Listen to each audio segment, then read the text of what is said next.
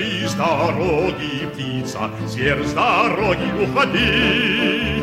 Види, еще облака клубится, конем мчатся впереди. Ja, Peter. Peter? Dat is waar ook. Peter is op vakantie. Dit moet voor jullie net zo gek voelen als voor mij. Goede duo's hebben een duidelijke rolverdeling. Anderlecht ging ook niet opeens Jan Koller wegsturen in de diepte en voorzetten geven op Thomas Radzinski. Maar we doen er niks aan. Het zal wel weer ergens kindervakantie in Nederland zijn, dus we zijn Peter even kwijt. Over voorzetten gesproken. Ik heb een week lang gebouwd aan deze show samen met niemand minder dan Pieter Zwart. En Anne van Dag en Nacht Media is er ook bij, omdat ik niet weet welke knopjes er moeten worden ingedrukt. Het lukte Pieter niet om de voormalige trainer van Chili naar Zeist te krijgen, dus nam ik Pieter mee naar de Chileense competitie. Colo Colo, O'Higgins en Pieter wisten mijn koude halfspacers zonder buurman met plezier te bezetten. ¿Cómo van? Dos a dos. Y la pelota a la mitad de la cancha. La blanca y radiante, la caprichosa, blanca y radiante. Pelota. Latino 15 arrancado por. Le quiere entregar maniobra. Pierde, captura primero el la. Impulsa. Cuidado. Pase ahora. Morales. Se muestra Morales. Está el gol. Gol, gol. El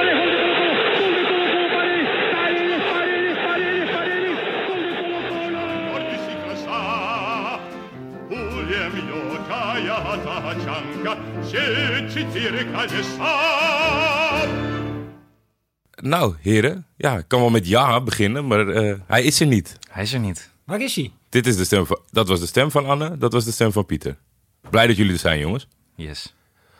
Eh, Waar is hij? Waar is Waar hij? is hij? Ja, kindervakantie Kindervakantie. In Portugal. in Portugal. Ik denk met van die schoentjes, weet je, waar je mee in het water kan lopen, maar dat je niet last hebt van die steentjes. Ik denk dat hij waterschoenen heeft. Jullie niet? Ik denk het wel. Eh, jullie beiden hebben toegang gekregen tot ons miraculeuze draaiboek.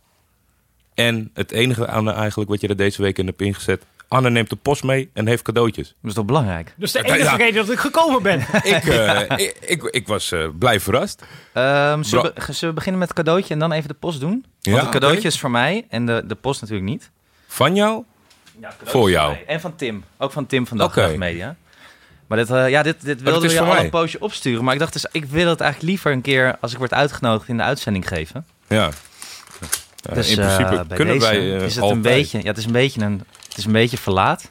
Ja, het is ook, ook ingepakt, door Ingepakt. eh, professioneel. ja, Professionele instantie? dat- ik heb het zelf gedaan. Gewoon zodat het lekker kraakt in de uitzending. ja, toch? Ja, ja, heel goed. Het is denk ik een rompertje. En Ja. Het is, ik ken iemand die. Ja, het is eigenlijk promotie voor mijn eigen podcast. Zo schaamteloos om iemands kind daar meteen voor te misbruiken. Nou, nu is het wachten tot Pieter eh, een rompertje geeft met VI Pro erop. En met van die halspeces. Hartstikke bedankt. En ik denk eh, vooral eh, voor eh, moeder en kind eh, ontzettend herkenbaar. Want die zijn de meest trouwe luisteraars. die Je luistert, oh je- ja, wat goed. Ik weet niet of ze helemaal terug zijn gegaan naar het begin. Oh, die eerste is wel belangrijk. Het gaat over Ja? slaap. Ik weet niet hoe het nu gaat thuis, qua slapen. Ja, uitstekend eigenlijk wel. Oké, nou mocht het mocht slecht gaan, aflevering 1 van Ik en Dimi gaat over een remedie om je kind weer te laten slapen. Nou, dat is eh, eentje die we... Maar gaat het goed, want, want Peter vraagt heel vaak hoe het dan gaat en zo. Ja, dat, is- ja Peter die, die volgt dan op Instagram. Want mijn Instagram is natuurlijk veranderd van eh, hele stoere foto's van mij met andere bekende mensen naar eh, alleen maar babyfoto's. Ja, dit gaat, gaat hartstikke goed eigenlijk. gelukkig. Ja, nee, Nog een uitje, een uitje gemaakt? Eh, nou, zijn moeder zorgt wel dat hij elke dag buiten komt. En een echt uitje hebben we dit weekend niet gehad, denk ik. Moeten we... Hij is eigenlijk toch te klein voor, hè? Ja, maar Ik kan wel naar Artis gaan, maar nee, hij ziet nog niks hij natuurlijk. ziet helemaal niks. Nee, Ook een beetje zonde van de tijd. ja, zwaar. is voor jou wel lekker. Het is wel lekker eh, om daar een beetje te wandelen in, in de zon. Dat, dat, zeker. Nee, wij doen tuin. elke zaterdagochtend eh, boodschappen. In Artis? Nee, nee, nee.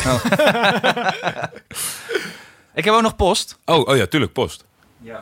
Die was eh, gestuurd naar Dag Nacht Media, maar het is eh, eigenlijk voor neutrale kijkers. Oké, dat zien we graag. Een, eh, wat, ja, een pakje is het.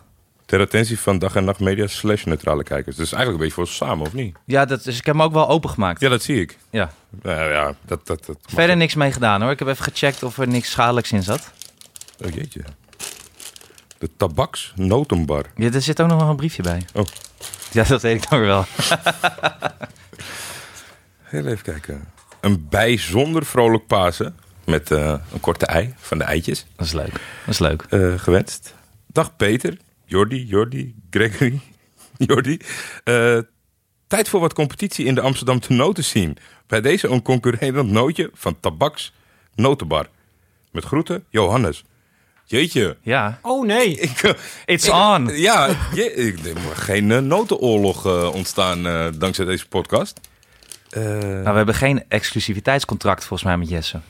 Dat is waar. Maar wij zijn natuurlijk wel heel trouw altijd. Dit Ze wordt, heeft zelfs eh, drie filialen Dit in was een Amsterdam. quizvraag. Waar was jij toen de eerste notenoorlog uitbrak? Drie, maar dit, oh, dit is een keten. Daar ben ik niet voor. Ze zien, er, eh, ze zien er indrukwekkend uit, de noten die we hebben opgestuurd gekregen. Ik neem aan dat het het beste is van het assortiment. Of één van de beste. Ja, je moet wel, als je iets opstuurt, dan moet Dat het wel echt... wel eh, verstandig dus- dat je- ja, dat je- dat je een het goeie- huis. Ja. Eh, ik, ik ben ontzettend benieuwd. Ik ga gewoon eh, naar waarheid antwoorden volgende uitzending. Ik ga niet nu tijdens de podcast zitten eten. Ik vind het spannend. Ik heb Peter natuurlijk aan de honing pekannoot Ja. geholpen. Ik, ik ben benieuwd of, of er competitie Maar, ontstaat. maar even, even, wat voor noot is dit? Het staat er niet op, Anne. En ik kan er niet doorheen kijken. Het, het, Oh. het lijkt... Het lijkt op een, soort truffel. Zo'n ch- chocoladetruffel, maar daar zijn ze te hard voor. Oké. Nee, ik, eh, een bijzondere noot is het. Ik, eh, ik kom hierop terug. Dus volgende, volgende uitzending, in een ieder eerlijke geval recensie. wel, wel bedankt, Tabaksnotenbar. En als ze heerlijk zijn, dan zal ik dat gewoon zeggen. En ik denk ook niet dat het een probleem is. Nee? Nee, dat verwacht ik niet. Oké.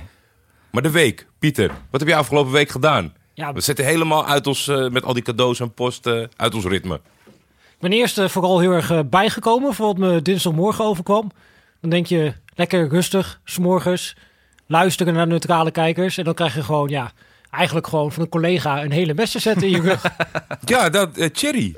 Dat was Cherry, wel, de reus. Dat was, eh, dat was pittig. Wij schrokken er een beetje van. Maar Ik ja, schrok er ook van. eh, blijkbaar... Cherry schrok er ook van toen hij zijn baan kwijt was. Nee, maar ik, vind, ik denk dat, het, eh, dat je een goed bedrijf hebt neergezet dat, eh, dat personeel dit durft. Toch? Een, een veilige, veilige open cultuur. Ja, Ja, ja. ja. Maar misschien iets te veilig. Ik bedoel, er zijn toch ook al grenzen. Had hij had hij een punt? Had hij een punt? Nou ja, dit is een beetje zijn eigen straatje schoonvegen wat hij aan het doen is. Kijk, je, je spreekt op een gegeven moment af, kunnen we dit bouwen? En dan, hè, dan voelt hij zich een soort van Bob de Bouwer en dan zegt hij, ja natuurlijk kan ik dat bouwen. Eh, en dan roep ik in de minuut van, hij gaat het bouwen. En dan voelt hij in één keer die druk van, ja shit, nu moet ik er ook daadwerkelijk Nu eh, weet gaan bouwen. het. Nu weet iedereen het, mensen gaan nu iets verwachten. En dan eh, ja, voelt hij zich een beetje onder druk gezet. Eh, ja, en dan komt hij met een hele maar- theorie over agile werken en dat het ook allemaal niet binnenpast en zo. Maar ja, volgens mij gebruik je dan vooral heel veel Engelse termen om je eigen onkunde te verhullen. Nee, ja, maar ik, ik, ik, ik denk ook wel dat jij een punt hebt. Want als, jij, als hij tegen jou zegt, ik ga het bouwen, dan moet het er zijn. En Thierry, ik heb nog even gekeken vlak voor de uitzending. Ik heb nog geen, eh, Het is er nog niet. ik heb nog geen eh, dingetje gezien. Nee. eh, hoe noem je dat ding? Zoekfunctie. Zo'n zo, een loop Nee. rechtsboven met Nee. zoek. Dit is van Nou ja. niet te zoeken.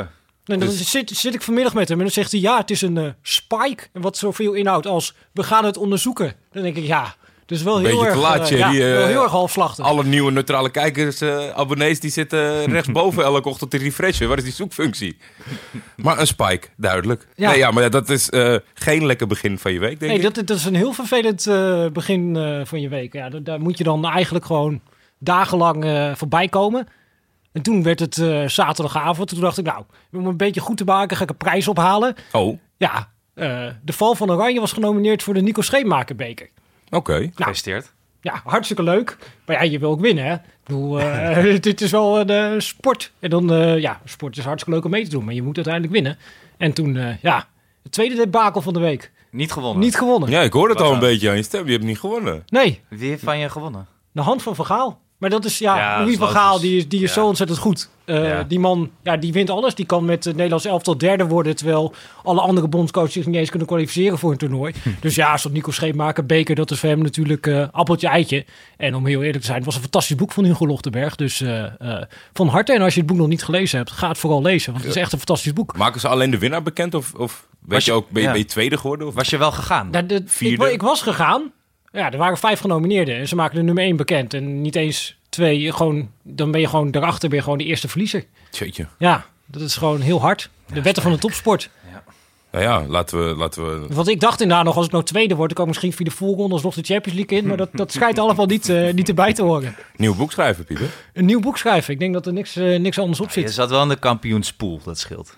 Ja, nee ja. Ja, want Ja. als je ook nog in de pool tegen degradatie Ja, zit... en met allemaal best. hele ingewikkelde regels... Eh, dat je er helemaal niks meer van begrijpt. De Nico Scheepmaker Nations Cup. Ja. Nations League. Nations League. Maar over Van Gaal gesproken, die zou jij nog wel een keer willen spreken.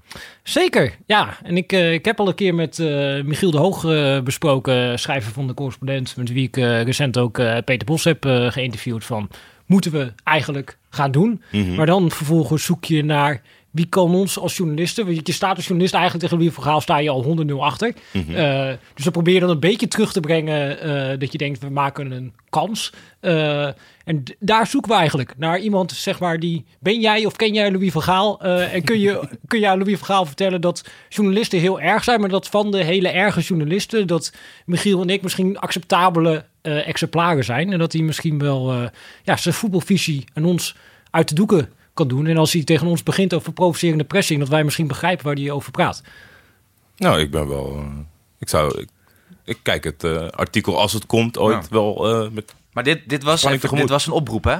Dit, dit was een oproep, dus, Dus we zoeken iemand. ja, die Louis van Gaal is... of die Louis van Gaal kent... Ja, dus Louis, als je luistert...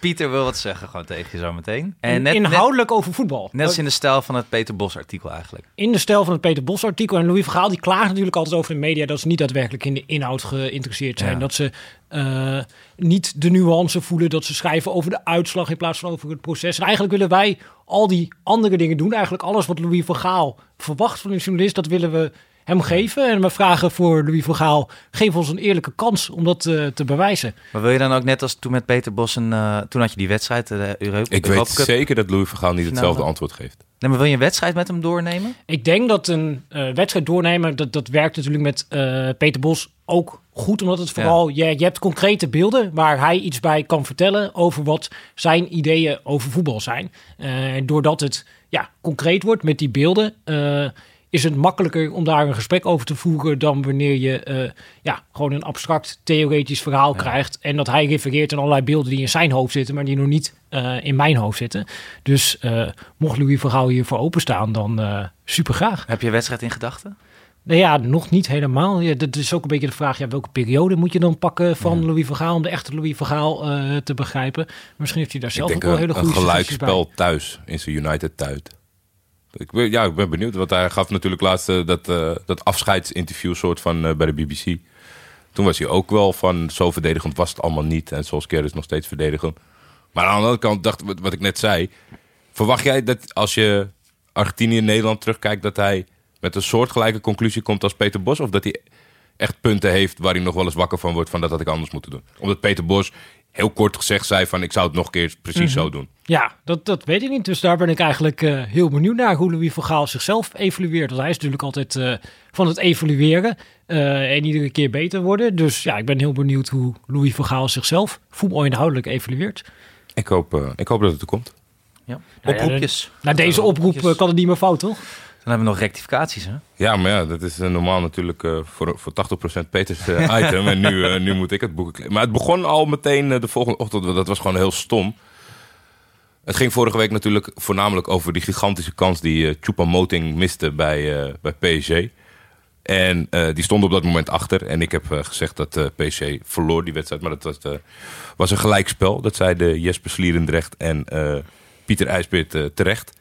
Het is eigenlijk gewoon een voorspelling van je. Ja, ze hebben nu Voor gewoon week. verloren. Ja, God, nou, ja, die op de boek gekregen? Zo, ja, dat was, eh, dat was een gigantische nederlaag. En ze hebben nu... Ik, ik heb Hij heeft ook weinig spelers, hè? Ik bedoel, kijk, dat... eh, Ja. 5-1 hè, was het tegen Lille. ja, maar dat is ook niet makkelijk. Als je zo'n kleine selectie hebt, je hebt zo Ja. weinig geld. Woensdag moet hij tegen Nant. Heeft hij misschien maar 13. Ja, Ja, hij dreigde 13 spelers mee te nemen. ja. Wat een aansteller zeg. wel toch, Ongelooflijk. Pieter? Ik denk, Tho- Thomas Tuchel is wel een persoon... Normaliter, of tenminste, misschien nog steeds wel... die je hoog hebt zitten vanuit tactische Zeker. kennis. Ja. Eh, bij Dortmund wel met een beetje frictie weggegaan... omdat hij niet in de communicatie helemaal goed lag. Mhm. En nu word je met de straatlengte kampioen... maar de laatste weken worden wel steeds gênanter. Of Ja, zo eh, zie ik dat inderdaad eh, Wel, toch? ook wel. Ja, ik, is ik er- snap ook niet wat, hij ermee te paniek of winnen zo? heeft. Ja. Nee, ja, dat is een beetje, een beetje vreemd. En ik, ik snap niet eigenlijk, ja, waarom doe je zo moeilijk? Ik bedoel, Ja. ja. die Champions League, ja, iedereen die die wedstrijden gezien heeft, die begrijpt, ja, het zat je gewoon niet heel erg mee eh, in het leven. En vervolgens, ja, ga je gewoon in Frankrijk alle prijzen winnen. Dus ja, waar, waar praten we eigenlijk over? En dan ga je praten over, ja, nee, maar eh, mijn selectie is niet zo breed en eh is allemaal heel moeilijk, moeilijk, met naar, moeilijk. naar de tribune sturen, sturen aan toe en in de, in de tunnel naar de voorzitter toe lopen. En het, het, het stopt maar niet. Het wordt met de wedstrijd erger. Ik heb gisteren nog even geverifieerd bij een Frans journalist. Hij mag jeugdspelers opstellen. dus hij is niet verplicht om met 13 man aan te treden van de week. Maar dat is eh, schijnbaar eh, niet voldoende. Ja, ik, ik, ik weet niet eh, waarom, waarom die zo is. Volgens mij staat daar nog bij in die, in die rectificatie. Dat ik had gezegd dat het onderling resultaat bij Gallas winst in het voordeel van Galatasaray zou zijn. Nou is daar het een en ander veranderd sinds gisteren, waarover later meer. Maar het gaat in eerste instantie op doelsaldo in Turkije. Maar ook dat is in het voordeel van Gallas, dus dat verschilt niet zoveel. Maar dat is dus waarschijnlijk, dat wist je niet. Maar dat is dus ook waarschijnlijk niet gebeurd de laatste jaren dat er op doelsaldo een kampioenschap werd beslist. Op doelsaldo niet. Nee. Nee, nee. Is ik dat niet zoals in Nederland? Dat, dat zodra ploegen ook maar dreigen gelijk te staan, dat iedereen in volslagen paniek raakt en doet alsof doelsaldo heel belangrijk is. En dat het dan uitpakt met een eh, nipte overwinning op het moment dat je aan het doelsaldo moet Henk gaan de werken. Jong was gekwetst door alles wat er gebeurd was. Ja. Nou ja, ik, ik, wat Maar ik het is niet makkelijk. Hè? Hij is trainer van de Graafschap en heeft een eh, ploeg. eh is allemaal niet makkelijk. En dan moet je ook nog tegen PSV. En dan doen ze ook nog alsof ze San Marino uitslag kunnen neerzetten. Ja, je moet wel een beetje inleven in Henk de Jong. Het is Ja. echt een heel moeilijk leven. Ja, ja ik, ik, ik snap het cynisme, maar ik, moet, ik heb toch wel moeten grinniken om zijn opmerking. Dat hij zei van, eigenlijk was mijn dag wel prima toen PSV ging tijdrekken. Tja. En dat, dat zei ook wel wat over dat duel volgens mij. Ja. Eh, ja, dit is niet echt een rectificatie, maar eigenlijk een, een uiteenzetting eh, waarom België als voetballand hartstikke leuk is. Oh, dit is een heel verhaal. Beste briljante Peter en Jordi. Ik weet dus niet of het over ons allebei gaat of dat Nee, briljante Peter Ja, en Jordi. Ja, dat dacht ik dus ook al. Helaas. Onlangs sprak ik met veel enthousiasme over jullie podcast met mijn teamgenoot Michael van Varenberg van eh onze prachtige club Bibamus, commentator PlaySports VRT België. We zijn toch iets, iets wat teleurgesteld in het feit dat jullie enkele weken terug het Belgisch voetbal niet geheel op waarde hebben geschat. Zeker na de ellendige wedstrijden die jullie sindsdien hebben bekeken. Ja, maar ja, daar, daar kunnen wij niet zoveel aan doen, hè? Nee. We staan met een open vizier voor alle competities. We kiezen er een uit, meestal op aanraden van mensen of van de ranglijst. En als we dan gewoon een hele slechte wedstrijd zien. Ja, ze hebben Maar gewoon ik vind eerlijke ook- En we hebben gehad. twee keer België Twee gekeken. keer, ja. Twee keer België Twee keer. gekeken. En twee keer was het niet om aan te En gluren. nou, als je nou uit dat land komt en jij wil dat jouw competitie hier besproken wordt, weet je, dan, Mhm. dan is het uiteindelijk wat jij kan doen, is tegen die spelers of tegen die club die dan gaat spelen, waarvan je weet die wedstrijd gaat bekeken worden, duidelijk maken, hé jongens, alle neutrale kijkers die gaan deze wedstrijd kijken, zorg nou dat het een leuke wedstrijd wordt voor de neutrale kijkers. En als ze dat dan tot twee keer toe verzuimen, ja, dan moet je Ja. vooral bij die vier teams zijn die dat voor eigenlijk het hele land verpest hebben. En dan moet je niet dat die klacht bij jullie adresseren. Nee, eens. Ik, ik, ik weet nog dat ik ontzettend schrok dat eh, in de opstelling zag ik Alexander Surlot. Toen dacht ik van dit wordt een pittige avond. Onderstaand een mooie opzomming waarom België de wereld heel veel moois oplevert. Waar ter wereld kun je na een volledige competitie te hebben gespeeld al klaar zijn begin maart? Juist, in België. Daar heb ik het al volgens mij een klein beetje over gehad. Er zijn dus niet één, maar er zijn twee ploegen die klaar zijn in maart met voetballen. Dat is ongelooflijk. De rest van de competitie gaat gewoon door. Dat het is gewoon een soort Feyenoord, maar dat je dan ook daadwerkelijk niet meer speelt. Dat je gewoon niet meer komt opdagen. Eh, punt 2. Waar ter wereld kun je een enorm omkopingsschandaal creëren? Doen alsof je jezelf, be- doen alsof je jezelf bent benadeeld. Het jaar erop een bekerfinale spelen en zelfs promoveren. Juist in Mechelen en jawel België. Daar heb ik niet genoeg parate kennis voor, voor wat er met België allemaal is gebeurd. Maar ik neem aan dat er twijfel is bij deze heer over het, eh, over het omkoopschandaal eh, met, met Mechelen. Waar ter wereld kun je wedstrijden spelen met een door de thuisclub betaalde scheidsrechter, waar ook nog eens geen grensrechter wordt toegelaten, juist bij het Verbond van Vriendenclubs Antwerpen in, jawel, België. Ik ben van mening, eh Nederbelg Eswin, dat je iets meer toelichting moet geven. Ja, Ik plus eh, het pleidooi komt om mij nu heel erg over als ons hele land is eh, corrupt. En dat, dat schijnt dan iets heel positiefs te zijn als kijker. Dus eh, kom vooral bij ons kijken. Maar Het dat vind, ik een, vind ik een heel dubieus perspectief. Dat is weer typisch Belgisch om er zo naar ik te kijken. vermoed ook een klein beetje dat het niet geheel neutraal is opgeschreven. Er zijn veel vingertjes, niet helemaal uitgesproken, maar er wordt veel gewezen in de richting van andere clubs. Waar ter wereld kun je zowel voorzitter zijn van een topclub als ondervoorzitter van de Nationale Voetbalbond? Juist, Bart Verhagen van Club Brugge, in jawel België. Dat vind ik wel discutabel.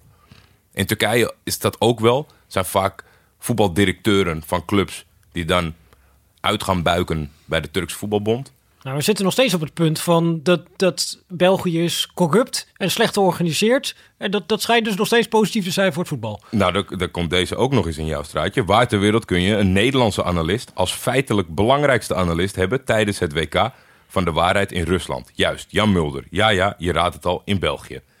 En die is dan weer voor heel veel geld overgestapt naar weer een andere zender. In België. In België. Ja, ze zijn gek op hem daar, hè?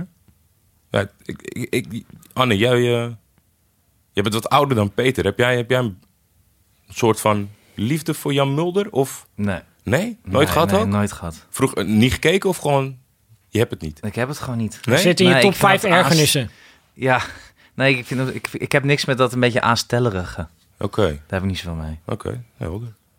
Eh, mijn dank is groot en de groeten vanuit Antwerpen.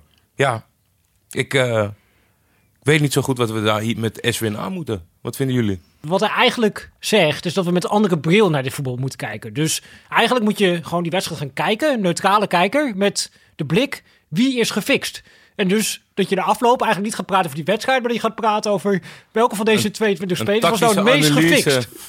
Ja, Ja. je zegt je moet gewoon meegaan in de conspiracy Ja, en daarvan genieten eigenlijk. ja. Dus Daar, denkt, da- hey, daar door- wordt het spel gespeeld. Ja, door wie is die scheidsrechter opgekocht? Door Ja, wie is die ja, keeper ja, ja. opgekocht? Ik denk dat, dat dat de manier is om naar België te kijken. Dat denk ik ook. Maar ik heb daar wel ik heb daar meer achtergrond voor nodig. Want ik, daar kan je niet zo instappen. Ik denk Nee. niet dat je kan zeggen van... eh, waarschijnlijk is er hier iets niet helemaal door de, wat door de beugel kan. En zoek maar uit wat het dan is. Maar ik vind dat omkoopschandaal, dat vind ik wel interessant. Want dat was inderdaad natuurlijk wel echt groot nieuws. Er was heel veel mis. En daar hoor je Propere heel lang- handen. Maar dat is deze niet eens. Want dit, dit ging over vorig seizoen al. Dus Ja. het is, het is Maar daar hoor je toch niks zeer meer over? Over dat omkoopschandaal? Dat is helemaal Doofpot. Maar dat heeft waarschijnlijk die ondervoorzitter van de bond slash Ja, bestuurder van kunnen, Club ja. Brugge geregeld. Ja, of, die, of het verbond van Vriendenclubs Antwerpen heeft daar eh, ook wat invloed. Dat, eh, Tot slot, beste Jordi en Peter, ik heb jullie hoog zitten, maar tot mijn spijt moet ik Jordi rectificeren op het feit dat hij niet bij kennis is over de muziek die Guus Meeuwis maakt. Godzijdank. Ja, maar in principe is dit een compliment. Dit is, ja, maar dit is ook wel con- confronterend. Op 79 dubbele punt 56 ja, ik las dat in het draaiboek en ik schrok me rot, joh. Holy shit, wat veel minuten. zei Jordi dat treinliefhebbers bij elkaar komen om Kedekkedenk te luisteren. Maar dit nummer heet toch echt per spoor. De volgende keer hier toch iets beter op letten graag. Met vriendelijke groet, Stef de Wild.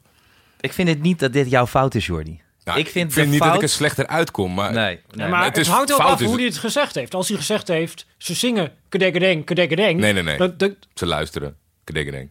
Ja, maar je ja, kunt ja. dat ook, je kunt dat wel luisteren en dat dat nummer toevallig een andere naam heeft. Nou, ik vind dat de fout ligt bij de directe omgeving van Guus Meeuwis... die in der tijd hem niet hebben gerectificeerd op het feit dat het nummer gewoon Kedegedeng had moeten heten. Maar Guus, wat onthouden mensen nou naar dit nummer? Precies. Ja, per spoor, per spoor. Nou ja, valt allemaal reuze mee, denk ik, afgelopen week qua rectificaties. Was er niks voor buurman? Of Niks. heb je die nu achtergelaten voor de volgende keer? Nee, nee. Was, Niks was, voor buurman. Er was niet meer dan dit. Dat is voor het eerst, denk die ik. wist dat die kindervakantie eraan kwam. En die dacht, eh, dit is mijn kans om te pieken. Normaal is dat dan tijd op dit moment eh, om naar de voetbalquiz eh, over te stappen. Of de, de, de junior voetbalquiz. Maar eh daar gaan we deze week eh, even overslaan. Want Ja. we zitten natuurlijk met Pieter Zwart. Nee, die is uitgesteld. Eh, die heeft eh, Afgelast. afgelast. Want die heeft te veel basiskennis om eh, deel te nemen aan deze quiz. Ik zit de hele dag op een redactie met eh, Michel Albing. Dus in principe, eh, Ja, ik ja, heb, die weet ik, alles. En dan weet ik een klein beetje van wat hij allemaal weet. Ik heb nog getwijfeld om hem te benaderen om een, eh om een valkuilvraag voor je te verzinnen. Maar daar was ik te laat voor. Wij keken deze week een wedstrijd in de Chileense competitie tussen Colo Colo en O'Higgins. Maar eerst het woordje van de sponsor. Want sinds vorige week hebben wij de Auto.nl Speler van de Week. Afgelopen week was dat Hatem Ben Arfa. En geheel toevallig, daar kan ik echt niks aan doen, want het is eerlijk gekozen, is het een Portugese jongen geworden deze week. De Auto.nl Speler van de Week is João Felix. Oké. Ken je die? Nee. Nee? Peter, Pieter wel. Ja, dat is de toekomst. Ja? Een hattrick voor Benfica. Een jongen die begeerd wordt door de hele Europese top. Ja, De toekomst van het voetbal. en Waar- jong, waar, eh, waar jonger, jonger is dan Peter Buurman. Aanvaller. Een Benfica. Ja, maar... Benfica, ja, eh, aanvallende middenvelder. Oké. Het kruipt dicht tegen de spits aan. Daarom maakt hij ook zijn goaltjes. Eh, het, is een, het, het ziet eruit als een hele vriendelijke jongen. Hij heeft een beugeltje. Dat, is, dat, dat vind ik heel, heel lief. En wat het wat, wat maakte het extra deze week? Natuurlijk, hij scoorde drie keer tegen Eintracht Frankfurt. Afgelopen weekend eh, geeft hij twee assists en nog een doelpunt. Dus dan sta je wel in de picture. Ja. Jammer genoeg heb ik wel vernomen dat hij geloof ik... eh, hij zit bij Mendes en eh, die, die duwt hem alweer richting Valencia. zijn idool. Nee, Oh. nee Juventus. Oké. Omdat Cristiano Ronaldo daar tegenwoordig zit. Nou ja. Maar ik hoop zo dat hij de ommekeer is. Toen ik heel klein was, was ik redelijk eh, idolaat van Portugees voetballers. Eh, Nuno Gomes, Joao Pinto, Sapinto zijn broer. En voornamelijk Rui Costa. Die kwam te werken met, eh, met- Figo niet? Nee, die niet. Die, Oh. niet. Die, die had eigenlijk een generatie later geboren moeten worden, vind ik. Die paste daar meer bij. Eh, maar dat waren hele mooie voetballers. En ik heb eh, in de tijd dat Fatih Terim een uitstapje maakte naar Italië... eh, speelde die eh, met het koppeltje Nuno Gomes en Rui Costa bij Fiorentina. Ontzettend van genoten. En eigenlijk toen ik iets ouder werd en beter het voetbal ging volgen... veranderden Portugese voetballers in hele nare, noeste arbeiders. Als je het zegt, Maniche, Costinha, zelfs Moutinho... is gewoon een voetballer die wel alle techniek bezit... maar dat ja, Is door dat nou weer Deco? Was er ook nog, toch? ja, maar maar is hij is een eigenlijk een Braziliaan. Braziliaan. Hij is die een Braziliaan. Dus, Oké. maar, Oh, sorry, en die, sorry. die kon ook wel vervelend zijn op zijn dag. hoor. Maar dat heeft natuurlijk... Ricardo Carvalho. Ja, eh, Costa en eh Vitor Bahia daarachter. Maar dat, Peppe, die, die is ook een Braziliaan, maar die hoorde dan wel weer lekker erbij. ja, die, die paste wel echt eh, in dat, in dat ploegje. Maar het werd zo negatief. En uiteindelijk, ja, zij hebben gelijk. En dat zal Pieter Baan, want ze zijn Europees kampioen geworden. Nou, wel iets later dan met de topgeneratie. Maar Rui Costa was gewoon een mooie voetballer. En ik hoop dat Joao Felix de deuren opent naar eh, mooie voetballers vanuit Portugal. En misschien wel een iets positievere benadering van het spelletje. En dan geef ik nu het woord over aan Peter Buurman. Hey Jordi, wat een eh, leuke keuze voor de Auto.nl Speler van de Week. Eh João Felix. En wat een eh, toeval ook dat het net de Portugees is. Precies nu ik in Portugal ben. Je hoort dat misschien al wel een beetje om mij heen. De karakteristieke Portugese geluiden van eh, auto's. Maar ik zag hem donderdag nog spelen. João Felix. Ik zat in een taberna te eten. En daar hing een televisie aan de muur. En daar stond eh, Benfica tegen Eintracht Frankfurt stond daarop. Eh dus dat heb ik zitten kijken terwijl ik zat te eten. Maar er was wel wat met die taberna. Wat jij zegt over Portugezen. Er was een beetje een chagrijnige barman die ons bediende. We kwamen binnen. En er waren nog allemaal lege tafeltjes. En wij zeiden, mogen we aan een van die tafeltjes zitten? En eh, hij zei, ja, eh, nee. Die zijn allemaal gereserveerd. Maar je kan nog wel aan de bar gaan zitten. Dus toen gingen wij aan de bar zitten. En uiteindelijk zette hij een bordje neer met allemaal voorgerechten. En terwijl wij hadden geen voorgerechten besteld. Dus wij lieten die gewoon staan. En op een gegeven moment, een paar minuten later, komt hij dat weer ophalen. En eh, hij, hij pakt die zo. Hij zegt, jullie willen dit niet? En wij zeiden, nou eh, nee, nee dat, eh, dat hoeven wij niet. Toen zei die barman, en daarom zitten jullie dus niet aan het tafeltje en wel aan de bar. En toen dacht ik, dit is wat, dit is wat Portugal voor mij is. Een soort agressieve gastvrijheid. Of een soort gastvrije agressie. Ik weet niet welke van de twee ik moet kiezen. Maar daarom is het wel interessant wat je zegt over João Felix. Want die lijkt dat helemaal niet uit te stralen. Dat is gewoon een, eh, een vriendelijke puber. En eh, nou ja, kijk, dat is natuurlijk het leuke. Auto.nl is dat ook een beetje. Auto.nl die zitten natuurlijk in de autobranche. Die hebben een beetje een slechte naam. En zij proberen dat toch een andere naam te geven. Dus eh Jordi, zeer toepasselijk zeg ik eh, vanuit Portugal. Dat was een vertrouwd geluid in Peter Buurman. En ga nu naar auto.nl en koop een auto zoals je wil. Deze week ontving ik een bericht en daar stond in... Union Espanola is uit de startblokken in Chili. Niet normaal. Laatste zes gewonnen. Colo Colo en O'Higgins als nummer 4 en 5 strijden... om te kijken of ze nog in de achtervolging kunnen. Bij Colo Colo, Jorge Valdivia op het middenveld. Nou, toen ik dat doorstuurde naar jou, Pieter... toen zeiden we allebei wel van... eh, Nou, ik dacht eigenlijk heel lang, het hele bericht dacht ik, nee, nee, nee, nee, nee, nee, Nee? Ik ga niet naar de Chilese competitie kijken. Dit gaat gewoon echt niet gebeuren. En toen, Giorgio Valdivia. En toen dacht ik, ja, dit gaan we doen.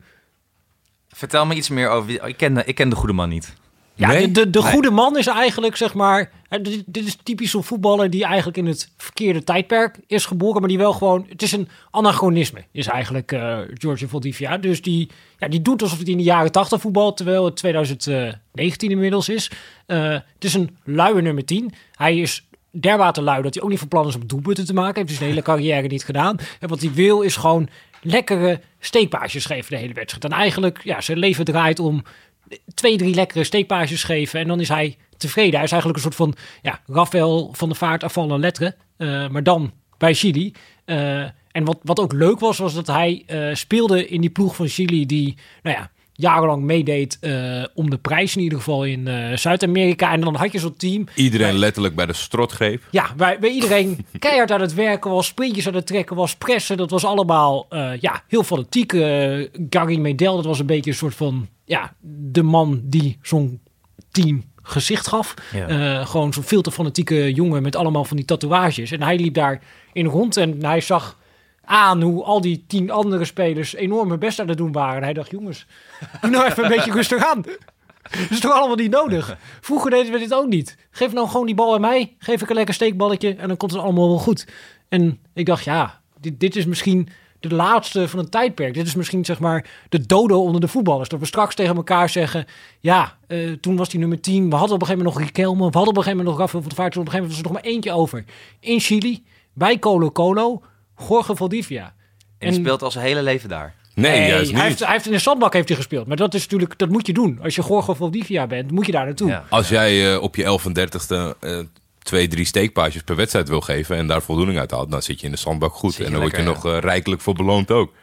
Ja, nu is je terug op het oude nest. En ja, je wil niet dat, dat later je kleinkinderen aan je vragen... waar was jij toen, Jorge Valdivia, de laatste echte nummer 10... zijn laatste wedstrijden speelde voor Colo Colo. Dat je dan moet vertellen, ja, ik keek dan niet. Want ja, het was om half tien eh, s s'avonds in Chili. Ja, ik eh, andere dingen. Ik vond het een schappelijke tijd. Ik vond dat, dat, dat trok mij een beetje over de streep. Eh, Half tien s'avonds, dat is, vind ik prima tijd voor een wedstrijd. Meestal zo'n laat duel in Spanje. Vind ik heerlijk dat je dan om 12 uur, half één klaar bent. Maar ik begreep wel van jou dat het een hele opgave was om eh Jorge Valdivia überhaupt te vinden op het internet. Ja, dat, dat is wel echt een, een, een vervelend aspect. eh, Wat ik niet eerder ben tegengekomen. Sowieso was ik wel getriggerd door Colo Colo. Dat wil ik wel, denk ik, nog even delen. Omdat vele luisteraars dat die, die championship manager of voetbalmanager hebben gespeeld, dat zullen delen. Colo Colo is, denk ik, in mijn generatie voor iedereen is dat Nicolas Milan. Dat was een... eh, aan- 14-jarig toptalent. Een Ja, soort die- Peter Buurman. Ja, ja, ja. Dus dat je Peter Buurman gewoon eh, bij Ajax ineens invalt. En, en ja, eigenlijk is het een beetje ook wel het begin van het bestempelen van wonderkinderen. En, en dat er van alles van moest. Hij werd vergeleken met Cristiano Ronaldo. En dat kon hij zelf ook beamen, want hij deed wel een aantal trucjes. Hij vond het leuk om eh, over de bal te maaien met zijn benen. Maar er is totaal niks van uitgekomen. Dat is, dat is wel wat ik nu tegenkwam, omdat ik weet nog dat hij wel toen het allemaal niet zo lekker ging bij Colo Colo. Een paar verhuurperiodes, maar hij zit nu echt in de krochten van de Chileense competitie. Hij voetbalt wel nog. Nicolas Eh, Milan. Nicolas Milan met dubbel L. Oh, wacht even. Ja, wat ik zocht op Nicolas Milan en dan krijg ik zeg maar de eerste link, de top 10 LinkedIn profielen. Dat, daar zal die niet tussen zitten. Nou ja, het kan, Misschien is het hij heel goed op zo, LinkedIn het, dat het hij kan dacht- zo slecht gaan. En het is ook volgens mij niet vreemd dat voetballers wel zo'n actieve sollicitatie hebben geplaatst op, op LinkedIn. om een nieuwe voetbalclub te vinden. Eh, maar het, het- ja, streams. Daar Ja, kan jij kon de stream niet daar kan je echt, Daar kan je van alles vinden. Anne. Ja. Meestal Van amateurwedstrijden kan je nog wel een, een stream vinden. Maar En ik was mijn verdriet nog aan het wegdrinken, dus ik kon ook niet helpen. Nee, maar het was eh, het, het, het, het, het, het horten en stoten. En als ik ergens een hekel aan heb. Maar ik had van tevoren al contact eh, met Pieter gehad. En eh, die had daar wel een trucje voor. Dus zo kon ik het, eh, konden we het eigenlijk samen uitgesteld kijken. Wat ik normaal heel vervelend vind. Maar nu oprecht de uitslag niet wist. Nou, tenminste, ik wist eh, de, 1, de 0-1. Die was al gevallen in mijn horten en stoten eh, stream. Eh, en dat hebben we eigenlijk volgens mij allebei de volgende ochtend weer opgepakt. Zeker. Weinig, weinig bekende namen voor mij in de opstelling. Ja, voor mij eigenlijk ook niet. Nee, hè? Nee, totaal niet. Na de eerste minuut dacht je, dit, dit wordt... Er zit natuurlijk een beetje een stempel op dat Zuid-Amerikaanse voetbal... dat ze elkaar aanvliegen en alles schoppen wat los en vast zit. Eh, dat viel mee, alhoewel in de eerste minuten toch wel wat hintjes kregen dat het wel in ze zit. Ja, er was natuurlijk in de eerste minuut eh, een opstootje. Dat was ook ongeveer het punt dat ik eh, mezelf een beetje zorgen begon te maken. Want ik was die wedstrijd aan het kijken en dan ja, merk je toch dat je een beetje fysieke geest begint te krijgen. Want ik was eh, opbouwpatronen aan het zoeken bij O'Higgins. En ik was aan het kijken hoe probeert Colo Colo te pressen. En dan pak je op een gegeven moment dat draaiboek erbij. Ik denk, ik lees hier allemaal aantekeningen over dat Colo Colo heel goed stond in de 4-4-1-1 organisatie. En toen ging het inderdaad over het opstootje. Toen dacht ik, oh ja, misschien is dit ook een manier om naar voetbal te kijken. Ja, want ik denk wel dat, eh, dat na deze wedstrijd de twee uiterste manieren van voetbal bekijken het hebben plaatsgevonden. Pieter en ik kijken volgens mij heel anders naar voetbal. Maar heb jij nu eigenlijk als Jordi naar voetbal gekeken? Wil je dat zeggen? Nou, het, het- toen, toen na een minuut, toen dacht ik inderdaad, misschien moet ik gewoon een ziekenhuisopname overwegen. Om gewoon even, even dat je even gereset wordt. En Ja. daarna ja, ben ik me gewoon eh, gaan vermaken met die wedstrijd. En ik ben op een gegeven moment gewoon... Ik was alleen nog maar naar Gorgo Valdivia aan het kijken. En ik dacht, jeetje, dat dit nog bestaat. Ja, dat is hij is als neutrale kijker gaan kijken. ja en dat is, dat, maar je ziet, ik merkte wel al eigenlijk vlak voor de uitzending dat hij niet zo ervaren is als, als Peter en ik dat zijn. Omdat eh, ik vond het tempo echt hoog. Maar wij hebben natuurlijk ook echt een shitload aan slechte wedstrijden gezien. En We, we komen van Cashpoint Flyer alarm, ja, hè? ja, nou precies, dat was afgelopen. En ja, eh, eh, ik zag bij Pieter, die was niet, niet echt onder de indruk van het tempo. Maar daarna volgens mij, als je het afzet tegen de Zuid-Amerikaanse competities, Ja, is dit, is dit aanvaardbaar? Is dit leuk? Zeker, het was hart, hartstikke leuk. eh, wa- wat ook nog wel erg was, zeg maar, is dat ik dus die openingsfase zat te kijken. En dat ik O'Higgins zag opbouwen. En dat ik dacht, ah, dit is een trainer die, zeg maar, waarschijnlijk uit Argentinië komt. En iets in Mexico gedaan heeft, omdat hij een bepaalde opbouwvariant gebruikte die daar veel eh, gebruikt wordt. Was dat En- dan? Ja, dat heet eh, Salida La Volpiana, naar een eh, Argentijnse trainer, Ricardo La Volpe. En die heeft een bepaalde theorie over hoe je het beste van achteruit kan opbouwen. En dan ga je op een gegeven moment even die trainer eh googlen en dan kom je erachter, ja, die heeft inderdaad in eh, Mexico gewerkt. Het is een Argentijn, dus wat dat betreft. eh, maar toen dacht ik ook, nou, hier moet het gewoon eh, ophouden. Dus daar is het ook eh, eh, opgehouden. Het is wel vet dat eh, Pieter ziet een ploeg spelen, ziet de opbouw en die weet eigenlijk de hele achtergrond van die trainer in één keer. Ja, nee, dat, dat, dat, dat zeg, er zit een verschil in, eh, in manier van kijken naar En jij dacht, wat een leuk opstootje. Ja. Pak hem, pak hem. Ja, maar ja, ik, ik, ik ben dol op opstootjes. en ik kan ook ontzettend genieten bij de, bij de 0-1 van O'Higgins. Niet zo'n bijzondere vrije trap die wordt genomen. En eigenlijk, ja, de, de, de aanvaller blijft alleen maar staan op zijn positie. En omdat er drie man tegen elkaar oploopt, kan hij hem binnen tikken. En dat, ik dacht toen wel van, oeh, dit is niet best. Ik, ik vond het niveau daarna iets aantrekken. Maar het gaf wel een, een, een kleine indicatie van eh, het spelniveau. En, en zeker ook van de keeper. Want eh, nog voor rust wordt het 0-2. M- m- Mijn nostalgische hart ging kloppen, omdat ik de doelpuntenmaker heette Salas. Nou ja, je kijkt Chileens voetbal, je hebt Salas. Dat Het is fijn. het is een Argentijn, het is helemaal geen Chileen. het is een toevallige naamgever. Maar Dat was wel een mooie goal op zich. ja, ik, ja ik, in, gelukkig in deze podcast word ik niet zo weggezet als een, als, een, als een heel erg kritisch op keepers. Maar keeper mag deze wel hebben. Hè? Ja, die moet hem uiteindelijk moet hij hem wel hebben. Want het is ook, Ja. een, het is ook wel een gekke keuze. Ik denk als, als trainer, als die er niet in gaat, dat je redelijk gek wordt. Want ze gaan met 4 tegen 2 op de counter. Ja. En hij schiet van 30 meter. Ja, dit, er, was, er was inderdaad een uh, corner voor Colo Colo. Daar begon het mee. En toen nou ja, werd die bal weggekopt. En toen dacht Jorge Valdivia als een van de spelers... die dacht, ja, dit is het punt waar het voor mij een beetje ophoudt. Ik ga gewoon hier staan. En toen, ja, de- die andere spelers van die, van die ploeg... die gaan toch ook een beetje naar hem kijken, weet je wel. Dus dan gaan vijf andere spelers denken, ja... Hij gaat stilstaan. Gaan wij ook stilstaan?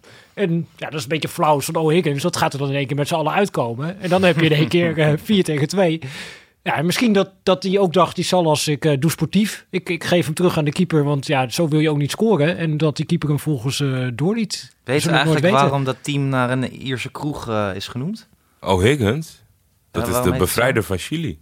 Toen dus was, het heeft niks eh, met een Ierse kroeg te maken. Nee, ik snap wel dat het, het klinkt ernaar. Maar eh, nee, Chili was bezet door Spanjaarden.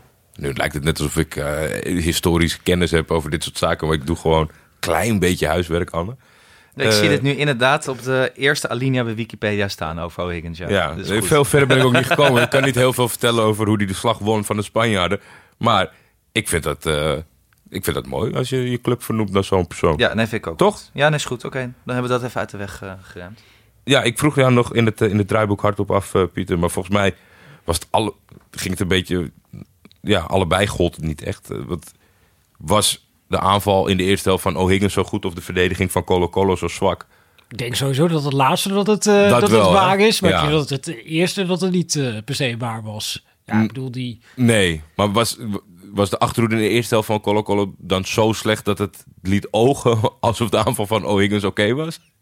Ik denk dat dat ongeveer eh, de situatie was. Ja, het was allemaal niet, eh, niet eh, geweldig waar we daar zaten te kijken. Maar daardoor juist wel spectaculair. Als er veel fouten gemaakt worden, is het ook alweer eh leuk. Om dan gebe- gebeurt er iets. En er gebeurde ook meer dan alleen opstootjes. Dus wat dat betreft eh, was het eigenlijk ja, in de eerste helft al een eh, leuk duel om te kijken. Tegelijkertijd vrees je al een beetje als die tweede helft gaat beginnen van ja, staan nu 2-0. Dan krijg je misschien zo'n plichtmatige tweede helft. eh, waar op een gegeven moment na 85 minuten iedereen boos wordt op elkaar. En dat het dan 2-0 is gebleven. Ja. Maar Het het liep gelukkig, gelukkig heel erg anders. Er kwam snel een aansluitingstreffer door, de, ja, door jou wel geliefde teruggetrokken voorzet. Zeker. Die, was, de, die probeerde ze vaker.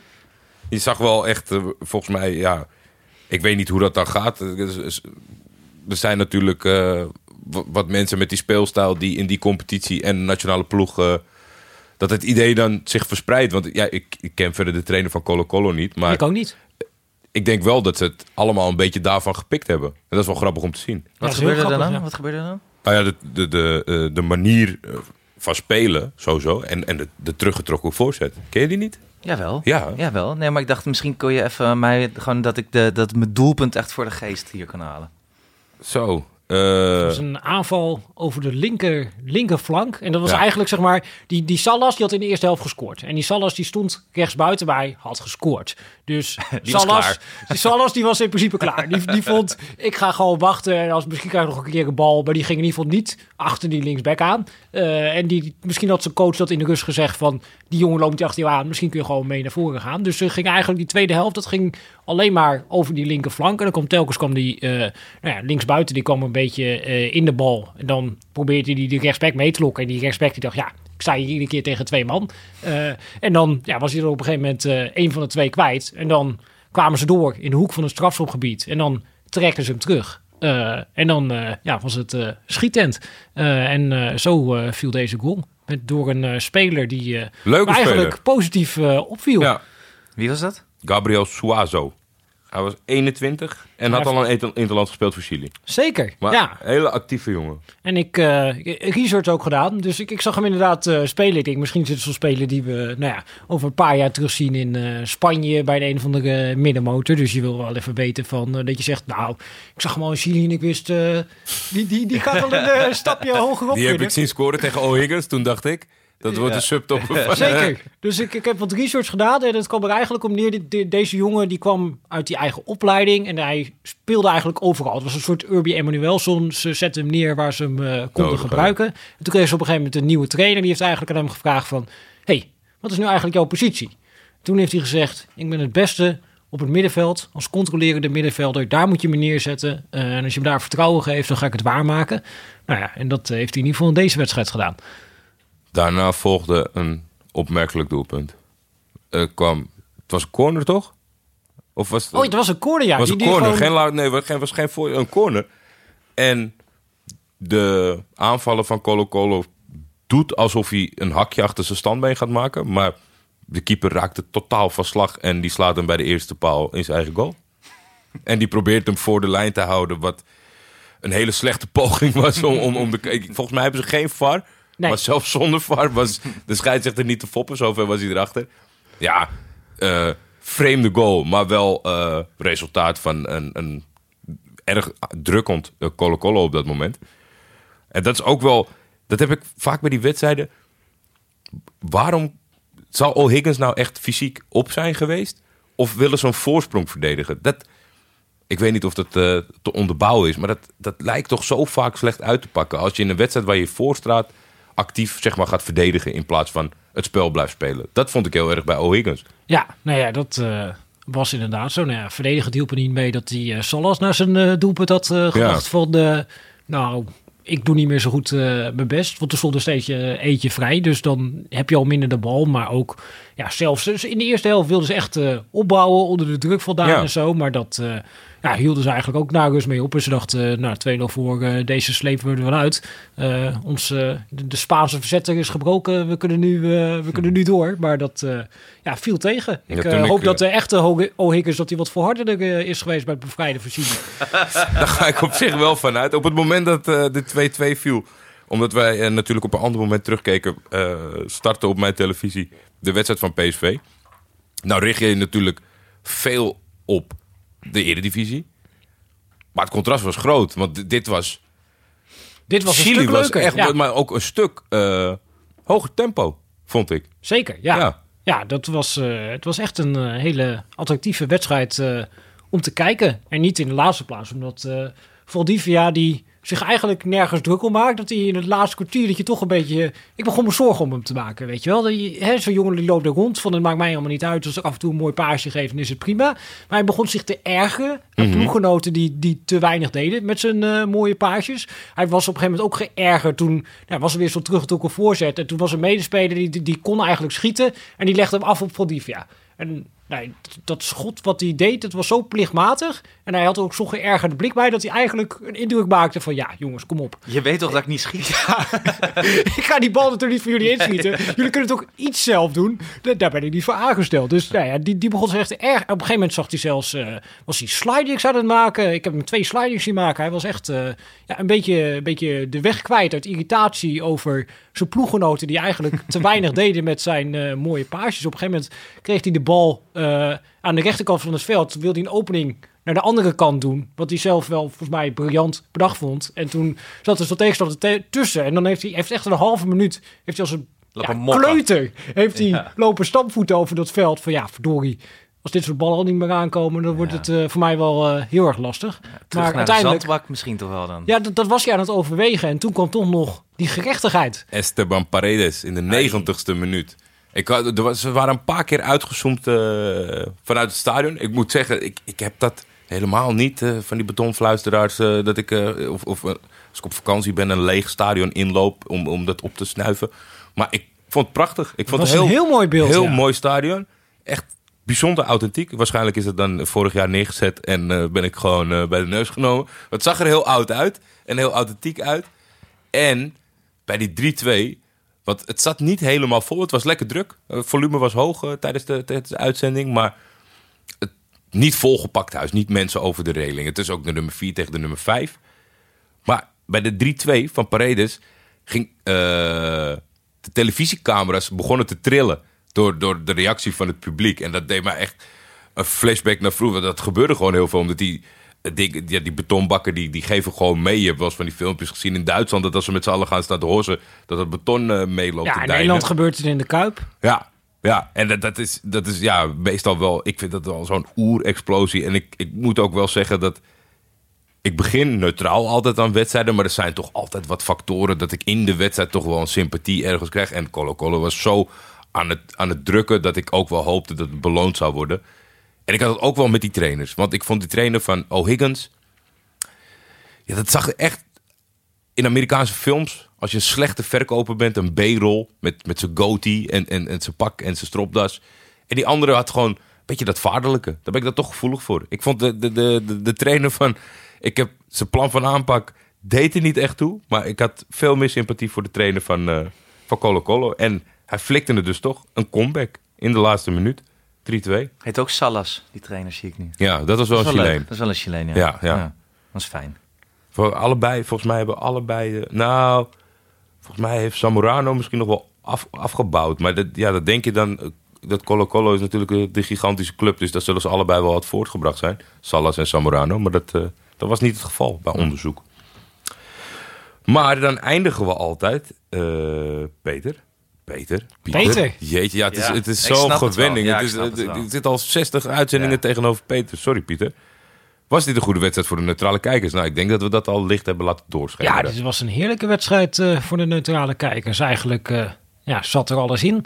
En ja, mocht je een keertje denken op een zaterdagavond... wat ga ik aan doen met mijn leven... dan eh, zou je altijd kunnen overwegen om een keertje een wedstrijd in de Chilese competitie mee te pakken. Want dit was toch wel eh, Ja, een spektakelstuk. en ik heb, ik heb de uitslagen bekeken van, van eh, die avond dat we hebben ingeschakeld. Het was, ik denk, ook geen toevalstreffer. Want als wij een paar uur daarvoor waren begonnen, met eh Curicó Unido tegen Everton. Niet, eh, niet eh, natuurlijk eh, het Engelse Everton, 2-2.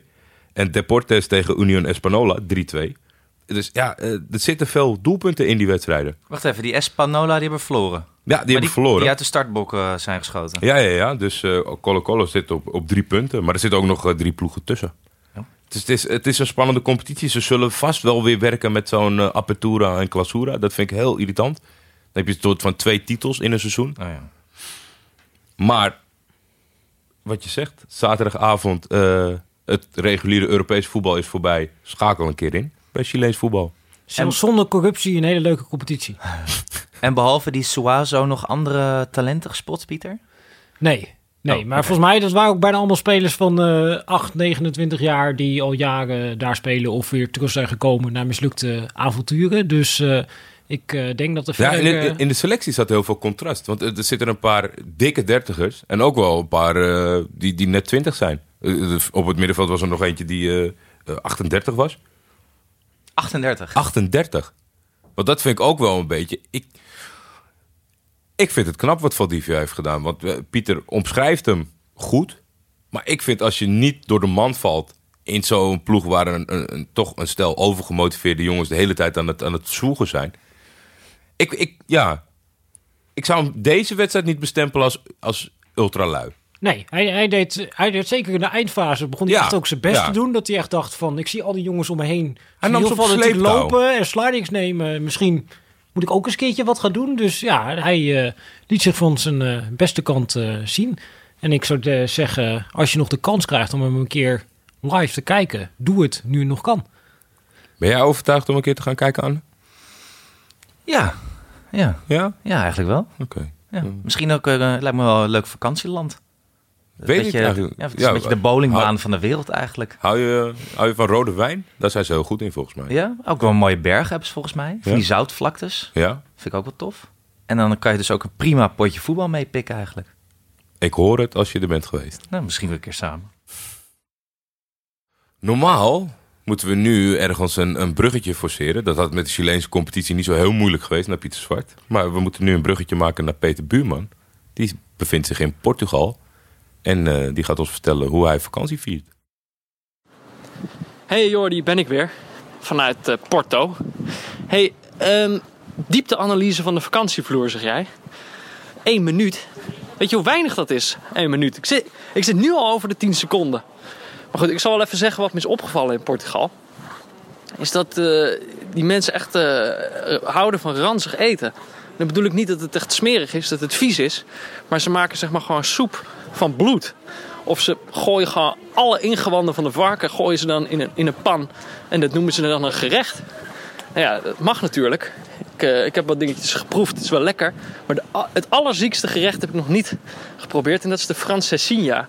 Dat is een soort broodje met drie, stukken, drie verschillende stukken vlees erin. Je, worst en steak en nog wat dingen. Pakken ze dan helemaal in, in kaas.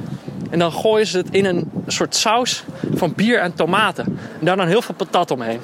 Nou ja, één minuut. Eh, maat houden, heel belangrijk. Dat was de laatste buurman bijdrage van deze uitzending. Zijn we beland bij het leuke item met de simpele naam. Verder nog wat leuks.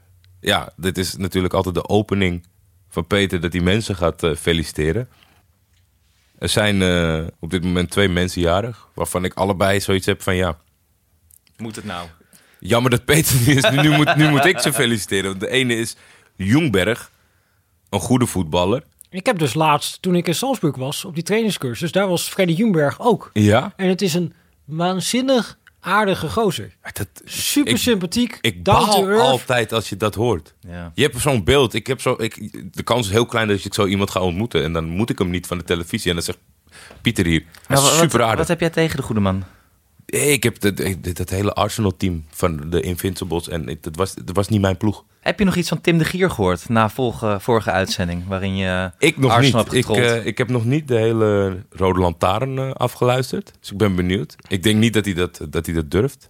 Eh, In, in die uitzending zo'n zo'n vee te starten. Maar ja, ik, ik voel me toch een klein beetje genegeerd. Want ik heb volgens mij wel Arsenal goed aangepakt. ja, maar daar, ook. Ja. maar daar, kwam het, daar kwam het niet eens vandaan hoor. Ik vind gewoon alleen. Ik vond dat geen sympathieke jongens. Ik heb eh, in Henri met interviews altijd niet leuk. Vieira. En Nou, ik, hoor, ik las vandaag wat verhalen over Haggy als trainer bij eh, Monaco. En ik denk dat je in zijn geval dat je helemaal gelijk hebt. Ja, ik, het is heel klein, maar het zal, ik zal dus nooit vergeten. Ik weet ook niet waarom het zo goed blijft plakken. Hij was in strijd met Ruud van Nistelrooy om de topscorer-titel. En toen gaf hij een interview. Volgens mij was dat nog op RTL 5. Met eh, volgens mij nog een hele corpulente Johan Derksen en eh hoe heet die? Ruud Terweide. Oh ja, dat Ja. dat nog? helemaal aan het begin. Ja, en dat deed, eh, hoe heet het, dat was prachtig. Hè? Dan deed eh Huub Stevens nog, eh, die kon geen Chelsea zeggen. Zo, Chelsea. maar die deed altijd analyses. Nou, dat, was, dat vond ik altijd hartstikke leuk. Maar die gaf dan in dat interview aan van... eh, ja, Ruud, Ruud staat er misschien wel twee doelpunten voor. Maar heeft hij ook assists? Weet je, het zo- en met, je moet zijn pedante hoofd erbij denken, anders komt het misschien niet over. Maar altijd heel onsympathiek. Maar ik ben wel benieuwd of je, of je een klein, eh, klein dingetje kan geven van, eh, van wat jij gehoord hebt.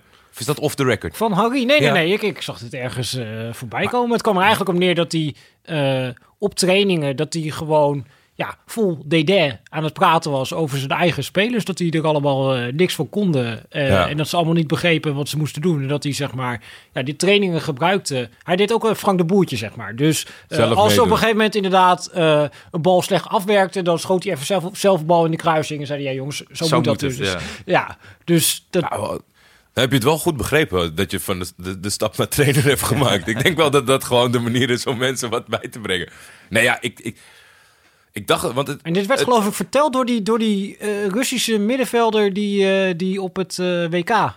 Golovin, Ja, de held van Peter. ja, de Ja, ja, van ja. Peter. Die, die, ja, die is eigenlijk dus vernederd en kapot gemaakt door Henri. Ja, en dat, dat, dat was ook, want ik, ik weet nog dat het filmpje viraal ging. En toen heb ik ook al gezegd van, de intentie is niet goed. Van dat hij die jongen, die, die, die schoof zijn stoel niet ver genoeg aan. Dat hij hem zo aankeek van terugkomen. Oh ja, dat ook non-verbaal. Daar dat. kreeg je toen nog lof voor. Dat ja, was, eh, precies. heel dat, was, dat was heel goed, want dat was opvoeden. Want die jongetjes weten het allemaal. Nou ja, uiteindelijk. En Vonden ik- wij niet, toch? Nee, ik zag een bedrag voorbij komen wat hij voor die drie, drie vier maanden heeft gekregen aan afkoop. Want dan val je ook van je stoel af hoor. Maar ja, dat was Freddy Jongberg met een hele grote omweg. en iemand anders die jarig is. Rafa Benitez, de ober. Ja, ik, ik weet niet, of- staat hij tactisch goed aangeschreven in Hij de staat- wereld? Ja, hij is er tactisch wel redelijk goed aangeschreven. Het is toch Vooral als eh, verdedigende coach. Ja, Ja. hij krijgt daar natuurlijk ook eh, kritiek op. En aan de andere kant, als je dit Newcastle United ziet en je houdt ze erin. Ja, ik denk niet dat het op een hele andere manier kan dan de manier waarop hij het doet. Mensen leuk Nee, maar hij om heeft, te kijken. hij, heeft Zeker ook, niet. hij heeft ook Real Madrid onderzoek gehad. Hij heeft ook Liverpool onderzoek gehad. En echt wel een resultaatcoach. Maar vaak gewoon... Ja, het is altijd... Of tenminste, het, het, het, het- ik vind het erger als het spelersmateriaal beter zou kunnen dan wat ze het laten uitvoeren. Kijk, ja. Nou, ik, was, ik ben vorig jaar nog naar een potje van Newcastle United geweest. Tegen Ja. Manchester. Wonnen ze 1-0. Mhm. was verschrikkelijk om aan te zien, de hele wedstrijd. Het was echt een drama. Maar ik denk ergens in minuut 70 deed Newcastle voor het eerst een, eh, een, eh, een aardig driehoekje op het middenveld. En er sprong een Engelse, grote Engelsman naast me op en die riep... What the fuck are you doing, man? Dat is niet de bedoeling. Niet de bedoeling. Overspelen naar elkaar, nee. dat is niet de bedoeling. Niet gewaardeerd. eh, Desondanks, gefeliciteerd. Ja, Rafa Benitez. Gefeliciteerd. Met het driehoekje ook. Heel Ja. knap. eh, ja, dan, dit, dit wordt lastig deze week. Of tenminste, misschien wel een beetje ongemakkelijk. Het VI Pro artikel van de week. Het VE Pro artikel van de week. Een geweldig platform. Word lid. Eh, voor het gemak heb ik hem uitgekozen, want ik denk anders komt er sowieso een, een tactische analyse van eh 3800 woorden van Pieter Zwart eh, voor de mensen, voor de luisteraars. Ja, dat moeten we niet willen met z'n allen. Maar ik heb een stukje gelezen over Klaas Wels. Ik kende hem niet. Dat heeft mede te, mede te maken met dat eh, eh, Lars van Velsom tegenwoordig eh, geen JLWO meer maakt. Dus dat ik eigenlijk niks weet over... Maar er is ook niet een eh, KKD-WO. Nee, Helemaal niks meer. er is geen eh, overzicht meer voor de, voor de keukenkampioen divisie. Dus dan moet ik zelf tijd en energie in investeren. En dat gaat niet gebeuren voor die competitie. En dan mis je Klaas Wels. Dan mis ik Klaas De Wels. want tovenaar van Top Os. Chris Tempelman eh, die is bij hem langs geweest afgelopen week. En die ging een, de titel was waarom de trainer van Top Os de tactiek van Sheffield United bestudeert. Nou moet ik zeggen, daar klik ik op. Dat is een goede titel. Omdat ik ontzettend benieuwd raakte. En het gaat er eigenlijk om dat eh, Klaas is een eh on-Nederlandse trainer. Omdat hij speelt geen 4-3-3. Hij speelt eh 5-3-2. Terwijl hij het eigenlijk wel wil. Dus Ja. hij, hij vertelt er ook wel bij van mijn trainershart bloed als ik naar mijn eigen ploeg, ploeg krijg. Maar hij heeft een soort van economische berekening gemaakt. Hij heeft gezegd, ik zit bij Top Os. eh, en als ik 4-3 ga spelen, dan heb ik zes aanvallers nodig. Want twee rechtsbuiters, twee spitsen en twee linksbuiters. En hij heeft gezegd, ja, dat kunnen we helemaal niet betalen bij toppos. Dus toen is je gaan nadenken, ja, moet ik een ander systeem gaan spelen waar ik misschien wat minder aanvallers nodig heb. Dus zo is je uiteindelijk uitgekomen bij zijn 5-3-2 systeem. Toen dacht ik, ja, dan heb ik 10 verdedigers nodig. Daar verdedigers in de KKD, ja, die komen voor waarschijnlijk een eh, consumptiebon. Dus dat is prima. En dan heb je alleen nog maar vier fatsoenlijke spits nodig en een paar middenvelders. Eh, Brian Smeets die, eh, die belangrijke doelpunten maakt als iemand denkt dat hij misschien kampioen kan worden. En dat zet je een beetje bij elkaar. En je laat ze samen spelen in de 5 2-systeem. En het eh, ja, blijkt eh, gigantisch goed te werken. Ja, hij, had nog een ander probleem ook toen hij kwam, las ik. Want toen hij coach werd, nam je team over dat 97 goals tegen had gekregen. Ja, dat was ook wel een issue. Ja, dus, dus dat kan er ook wel bij kijken dat hij dacht van, misschien kan dat beter. 97, ja. En nu staan ze volgens mij op? 7 of 38. Ja, dat gaat hartstikke goed. Gaat hartstikke goed. Maar het uh, teneur van het team was ook dat ze niet scoren. Maar dit weekend hebben ze er meteen vier in het matje gelegd. Zeker, Ja, tegen Sparta. Kon ook niet beter, want eh, ze moeten het niet helemaal verklappen. Want de mensen moeten ook nog een stukje lezen. Maar er wordt eh, uitgelicht dat eh, Brian Smeets en Hussein Doan eh, belangrijke spelers zijn. Nou, dat kwam wel tot uiting eh, op het potje op het kasteel. Ja, maar ik haalde daar dus uit dat de mensen van Sparta niet dit artikel hebben gelezen uiteindelijk. Nee, nee wa- ja, waarschijnlijk eh, niet. Die ik, waren ik weet niet nog... helemaal bekend misschien. Wie als, zijn die eh, twee? Die zijn goed. nou, volgens mij komt het, Doan komt er vandaan. Dus die hadden ze wel moeten kunnen, kunnen inschatten. Maar eh, wa- wa- was, je- is dat zoiets... Was je bekend met hem, omdat hij deze aanpak heeft? Ja, ik, Ja? ik wist dat hij, ik wist dat hij eh, eh, zo speelde. Eh, en we hebben eerder het seizoen, toen speelden ze ook tegen elkaar, Sparta en eh Top Os. Ja. En toen speelde Sparta ook nog 5-3-2. Eh nou, dat was natuurlijk bizar. In Nederland een wedstrijd, eh, Twee ploegen die 5-3-2 s- eh, eh, speelden tegen elkaar. Toen hebben we inderdaad eh, Henk Vrezer en eh, Klaas Wels er al iets over laten uitleggen. Eh, ja, nu was eh, Henk Vrezer was geloof gestapt en Klaas Wels nog niet. En ja, misschien eh, dat... Pakt niet best uit. nee, dat pakt allemaal niet goed uit. Maar ik begreep van die techniek van Sheffield dat daar um, dat die drie centrale verdedigers beetje afwisselend opduiken als linksbuiten en als Ja, rechtsbuiten. ja, dat is de- hun, dat is hun ding, toch? Dat is de meest eh, hippe, hippe ploeg eigenlijk van Europa. Als je nou echt zeg maar eh, in de kroeg met voetballiefhebber staat... en je wil echt een keertje iets interessants eh, zeggen... dan moet je zeggen, nou, als je echt innovatieve ploegen wil zien... dan moet je Sheffield United kijken, wat daar die centrale verdedigers doen. Nee, die spelen inderdaad met een 5-3-2 systeem. Eh, en die spelen met zeg maar twee controleurs eh, en een nummer 10 op het middenveld. Eh, en dat, dat heeft als voordeel dat zeg maar die twee controleurs die kunnen een beetje achterblijven. En als zij dan aan het opbouwen zijn, dus ze gaan op een gegeven moment aanvallen, heb je meestal maar een bezetting aan de zijkant met alleen ja, die vleugelbacks die dan de hele zijkant bestrijken. En toen dacht hij, ja, als je tegenstanders wil verrassen, dan moet je daar misschien iets aan toevoegen. Dus als zij aan het aanvallen zijn, dan kan het in één keer gebeuren dat een van die twee ja, buitenste centrale verdedigers denkt... ik ga mee naar voren. En die trekken dan in één keer een sprint... en die komen in één keer eh, als buitenspeler eh, te spelen. En ja, aangezien normaal gesproken als het team met drie centrale verdedigers speelt... dan blijven die drie daar gewoon staan. Iedereen is gewoon taal verbaasd als er eentje, een van die drie begint ineens te lopen. Ja. En dan komen ze vrij. En eh, dat is de manier waarop ik vond het wel mooi, want ik zag, een paar, ja, ik zag een paar beelden van die ploeg. Maar het is dan ook wel de bedoeling, begreep ik, dat dan de linker centrale verdediger uiteindelijk als linksbuiten daar staat en voorzet. En dan voorzet het liefst al geeft op de rechtsback die in de box is gekomen bij de tweede paal eigenlijk. Dat Ja. is een beetje het, het voetbal van Sheffield. Dat is het Je probeert te scoren met de linker centrale verdediger op de rechtsback. Ja, Ja. nou ja, dus dat, daar neemt Top Os een eh, voorbeeld aan. Dus en die Top Os, spitsen die eh, rennen zich een ongeluk de hele wedstrijd. Ja, en die, en die scoren. Volgens mij zit eh, ook een eh, eh, voormalig FM-held. Billy Sharp is een van de spitsen volgens mij van Sheffield United. Misschien krijgen we hier enorme rectificaties over. Maar volgens mij is hij een van de twee spitsen. En die heeft volgens mij ook al behoorlijk wat gescoord dit seizoen. Dus af en toe dan proberen ze hem misschien naar de rechtsback te spelen. En dan denkt hij, ja hallo, ik, sta wil ook nog. een keertje. Maar na, dit, na deze hele uiteenzetting verwacht je dat ik in de tussentijd heb opgezocht wie de trainer is van Sheffield United. Dat daar een moderne Duitse trainer of Oostenrijkse trainer of Zwitserse trainer Of een blogger. of een, of een Chileen aan het roer staat. Maar dat is gewoon een 51-jarige man uit Engeland. Ja, heerlijk hè? Dus hoe, nou ja, Engeland is helemaal zo conservatief niet. Ja, misschien is het gewoon nog een type innovatie. Klaas Wels die gewoon heeft nagedacht over... Ja, ik kan het helemaal niet betalen. En die toen ook eh, zo is spelen. Dat die deze week in The Guardian staat met dat hij geïnteresseerd is in de beelden van Topos. Nee, hartstikke leuk artikel. Zeker lezen mensen op vi.nl slash neutrale kijkers. Ehm, Pieter, dit Ja. is nog wel een concreet vraagje.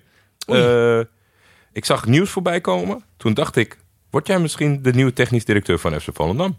Nou, Jordi. Dan heb ik misschien wel nieuws voor je. Oh, Nee, ik ga niet eh VI verlaten voor een eh, voetbalclub. Dus eh, ik ga niet de nieuwe TD ik dacht dat je van- nog iets zou toevoegen. In dat alle mensen in Volendam, dan zou ik nu zeggen, mensen even horen dicht, horen dicht of piepje erover. Maar oké, niet voor een voetbalclub. Nee, dus Want- ook niet voor FC Volendam. Wim Jonk is aangesteld als trainer. Klopt. ik heb toevallig net jouw boek uit, dus ik weet dat jij goed bent met de heer Jonk. Mhm. Eh, dus ik dacht van, nou ja, 1 plus 1 is 2, maar niet dus. Nee, gaat dus, eh, gaat dus niet eh, gebeuren. Maar ik vind het wel leuk dat dit gebeurt. Omdat wat ik waardeer in Wim Jonk, los zeg maar van hele visie of dat soort dingen, zeg maar. Maar dat hij, hij is een van de weinige mensen in het voetbal die kiest voor zijn principes. Dus toen, toen het zeg maar bij Ajax op een gegeven moment helemaal uit de hand liep. als hij op een gegeven moment zijn mond had dichtgehouden, was hij op een gegeven moment hoofdtrainer van Ajax geworden. Ja. Eh, die, hij, eigenlijk dat hele traject lag uit. Eh, en toen heeft hij gezegd, ja, maar als het op deze manier gaat, dat doe ik er niet. En toen heeft hij gewoon samen met eh, een aantal anderen, waarvan het deel nu ook meegaat naar FC Volendam, heeft hij gezegd, nou, wij zeggen onze baan op zonder een alternatief te hebben, omdat we kiezen voor Ja. onze principes. En daarom is hij nu trainer van FC Volendam in plaats van trainer van Ajax. Maar ja, ik denk wel dat het eh te prijzen valt dat iemand eens een keertje echt durft te kiezen voor zijn principes. Ook al gaat het ten koste van zijn portemonnee en van zijn carrière. Ja, daar ben ik het zeker wel mee eens. Maar dus, voor jou eh, onbespreekbaar? Stel, stel het, is, het zou bij Ajax zijn. Ja, Waar iets meer mogelijkheden zijn. Nee, Financieel ook om jou dat- aan te trekken. Want het gaat voor Volendam gewoon niet. Ik, ik weet, er zitten geen mensen op de tribunes bij Volendam. nou ja, Jan Smit zit er achter als geldschieten. Dus ja, dacht, er precies. is wel het een en ander mogelijk. je, dan moet je waarschijnlijk een dubbelfunctie aangaan als technisch directeur en tourmanager. Nou ja, dat, dat- dat- dan valt er misschien over te praten. Nee, maar eh, eh, als ik VI verlaat, dan is dat voor een eh, andere journalistieke functie. en Niet, niet om in het voetbal te werken. Als ik Dus in het voetbal had willen werken, had ik Vrijblijvend dat advies kan Wim altijd bellen, maar niet in vast dienstverband. Als hij wil weten hoe hij bij Volendam het beste de halfspaces kan benutten, dan kan hij me altijd eh, bellen. Maar eh, ik ga daar niet voor werken. Nou ja, ik kan in ieder geval deze week al lezen hoe je Klaas Wels, eh, hoe, die, eh, hoe die met Toppos volgend jaar komt eh, spelen. Ehm, ja, iets super lulligs. Wat ik niet zo heel goed begreep. Een, een, een speler van Lazio, Acerbi. Die had deze week in, in, naar aanleiding, of tenminste in aanloop van het duel tegen Milan, een grote mond. Hij had op eh, social media gezegd: eh, Wij zijn de betere ploeg. Er op, geen, op geen enkele positie is er iemand eh, beter dan die wij hebben in de spelersgroep. Wij gaan gewoon winnen. Eh, het bleek dit weekend dat het niet waar was. Want Milan won met 1-0 door een doelpunt van, eh van Keshi uit de penalty. En die had shirtje geruild. En dan kwam hij later met een alternatieve uitleg. En toen hadden Keshe en Ba- Bakayoko die had het shirtje aan de supporters laten zien van... nou jongens, hè, lachen, want eh Acerbi met zijn grote mond, nou daar gaat hij. Iedereen op zijn achterste poten. Hij een tweet gemaakt van ik had mijn shirt gegeven... omdat, om de rel voorbij te laten gaan, vriendschappelijk. Ik vind het extreem beledigend. Ja, zit ik nou, ben ik nou helemaal gek aan het worden? Of, of Nee, Dat ik vind toch- dat als je dan je zo'n grote mond hebt Ja. en je wil inderdaad eh, de stoere man zijn, gaat het ook niet aan de afloop huilen als ze met jouw shirtje aan de ja, haal gaan. vind, ik... eh, heb jij een mening, Anne, over Dit- de situatie? Dit, dit is niet meer verder iets leuks, toch? Zet wel bij iets stoms. Of is dit? Nee, deze week is er zoiets stoms dat eh, dit, dit valt in het midden. Oh, daardoor is dit helemaal niet gevallen. Neutraal incident. Neutraal. Neutraal incident. nee, ja, ik, ik, ik, ik snap er helemaal niks van. En dat ze dan officieel eh, Milan excuses gaan laten maken en dat soort zaken. Dat is toch gewoon inherent aan de grote mond die je hebt. Eh, nou, wat ik wel leuk vond, maar daar zat ook een, een vervelend randje aan. Bruno Martens Indy die ontving lovende woorden van zijn trainer deze week. En dat vind ik gewoon leuk om voorbij te zien komen op vi.nl. Ik schrok een beetje daarna toen ik ging kijken waar Stoke inmiddels staat. Nee, die gaat niet goed, toch? Die staan 17e in de championship. Dus ik weet niet. Ja, ik kan me gewoon goed voorstellen dat je altijd lovende woorden spreekt over Martens Indy. Maar ik ga ervan uit dat hij nog steeds achterin staat. En volgens mij doet hij dat niet ontzettend goed dan als je 17e staat. Nee. Nou, het leuke is dat wij eh, deze week bij eh Bruno Martensini geweest zijn. En dit is Oh. geen, geen sluikreclame, want Nee. het, stond, het stond al inderdaad eh, in het draaiboek. eh, ja, voordat, voordat ik het erin in kon fietsen als sluikreclame. Maar Martijn Krabberdam die is bij Bruno Martens Indy geweest om met Bruno Martens Indy te praten over... Goh, we zijn jou een beetje uit het oog verloren. Hoe gaat het eigenlijk? Ja. En ja, wat zijn nu eigenlijk je ambities? En ja, daar vertelt hij inderdaad ook over Stoke. En het was ook voor hem een soort van principe kwestie dat hij bij Stoke is gebleven. Omdat ze degradeerden natuurlijk op een gegeven moment. Eh, en toen was hij, hij was er binnengekomen, hij raakte geblesseerd. En toen waren ze gedegradeerd. En toen dacht hij, ja, eh, misschien voor mijn carrière moet ik weggaan. Eh, en toen heeft hij zijn gevoel gevolgd. Namelijk, ja, ik kan het niet maken om nu deze club in de steek te In de laten. steek te laten. En moet je kijken waar hij nu staat. Ik moet wel Ja. zeggen, Jordi, ze staan 16e. Ja? Ze hebben een puntje Is dit een, gepakt, eh, live eh, rectificatie? Ja, ze hebben een puntje gepakt Puntje dit weekend. gepakt, oké. En ik wilde er ook zeggen, ze hebben ontzettend weinig tegendoelpunten. Ja? 47. Dan hebben ze ook heel- ontzettend weinig mee, denk ik. Ja, 41. Dat is Ze niet hebben best. Bojan in de spits staan. Dus dan, eh, nog steeds. volgens mij loopt hij daar nog, toch? Jeetje. Ik, dat zal ik meteen even kijken. Oh, ellendig support. Ja, ja zeker. Ja, ja hoor. En Saido eh, Berahino zit ook nog in de spits. Ja, Berahino. Die, die een groot talent was en erop los scoorde... en toen op een gegeven moment Helemaal gewoon weg. gestopt is. Stopte met scoren. Ja, de Ja. spits Ze hebben- die stopte met scoren. Ze hebben nog een Diouf. Eh, De verkeerde hebben ze gekocht waarschijnlijk.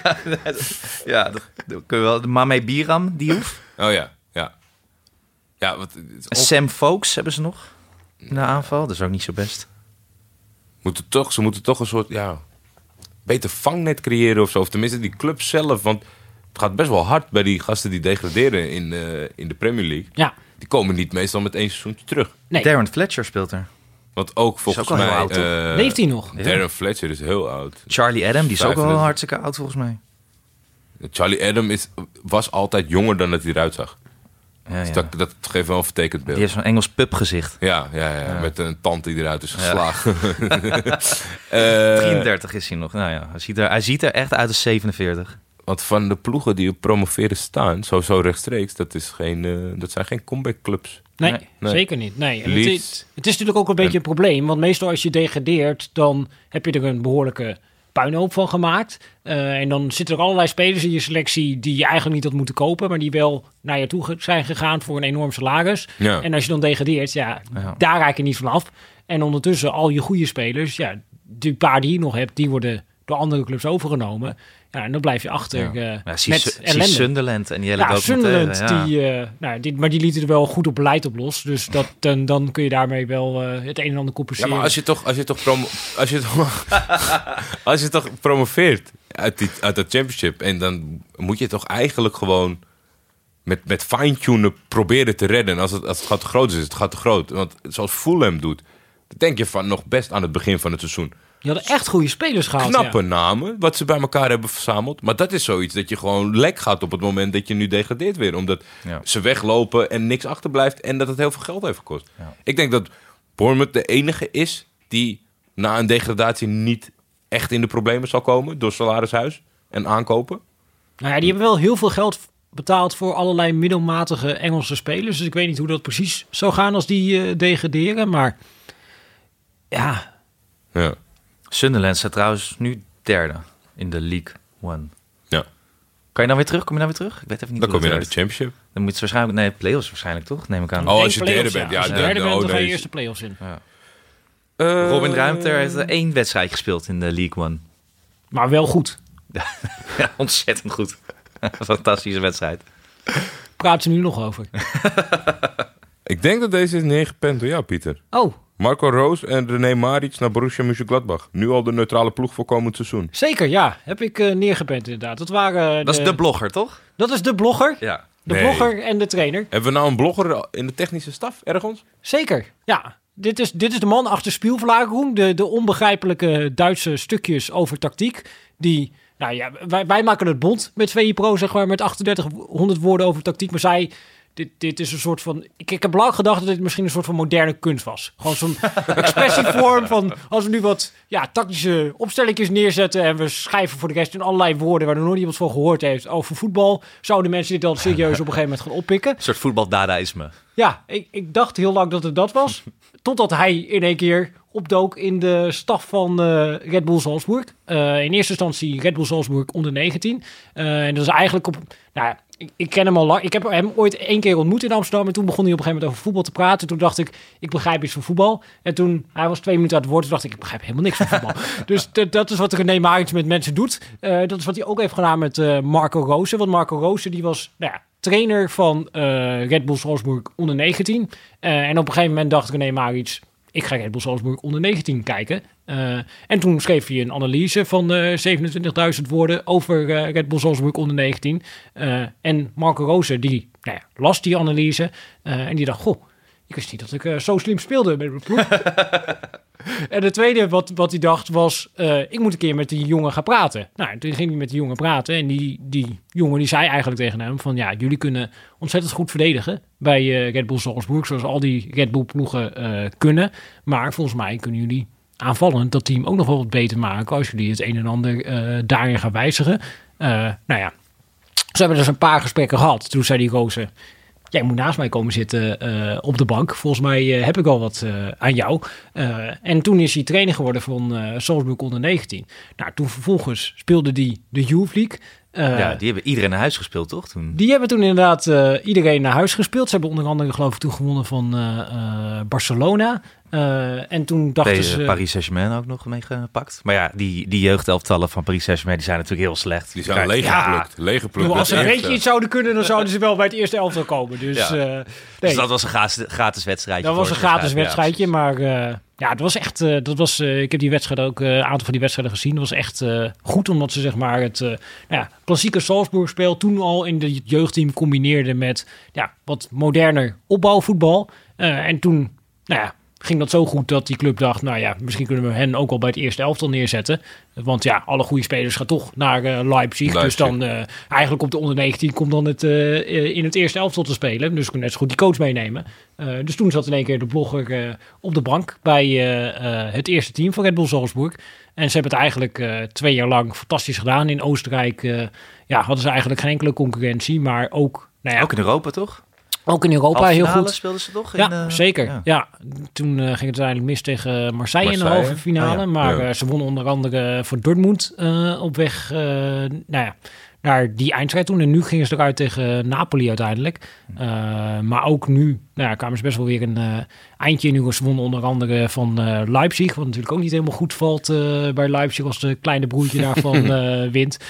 En nu krijgen ze de kans bij eh Borussia Mönchengladbach. Ze konden daar verschillende clubs in de Bundesliga. Wolfsburg was een optie. Hoffenheim was een optie voordat Alfred Schreuder daar uiteindelijk tekende. Maar ze hebben dus gekozen voor Gladbach.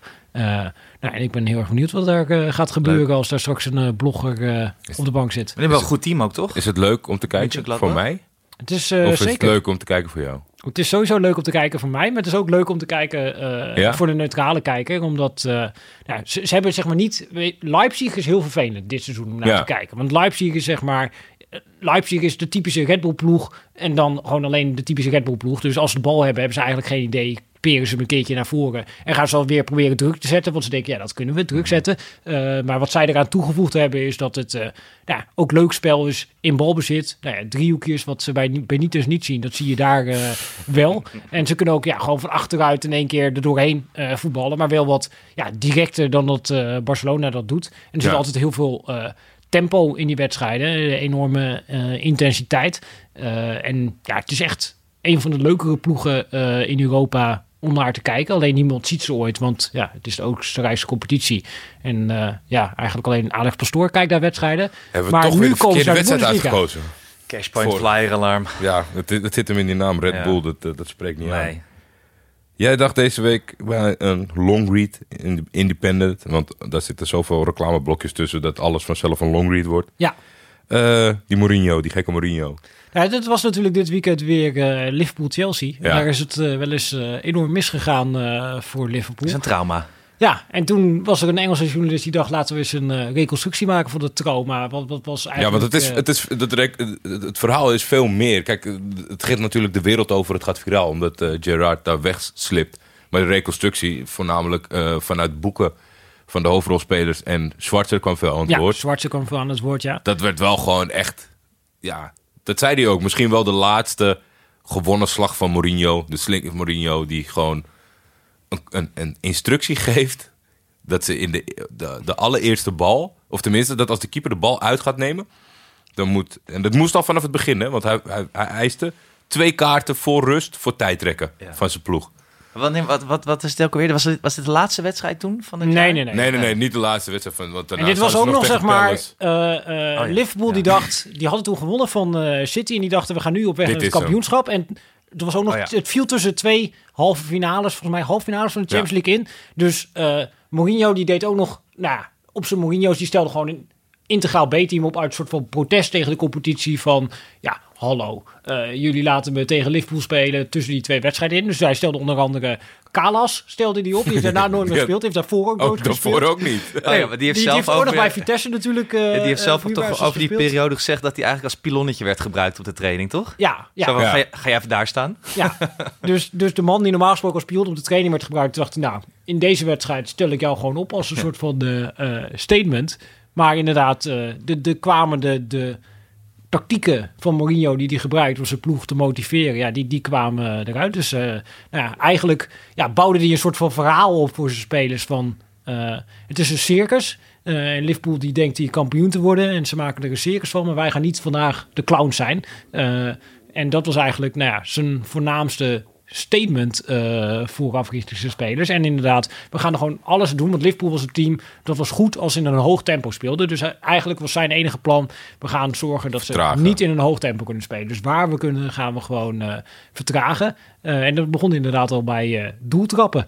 Ja. Ivanovic moest zo ver mogelijk wegstaan. En dan moest Zwarte zeggen dat hij pijn aan zijn been had. En dan kwam Ivanovic rustig aanlopen om de uittrap te nemen. En Liverpool, die ging gewoon... Het pakte perfect uit voor Mourinho. Want in plaats van te denken van...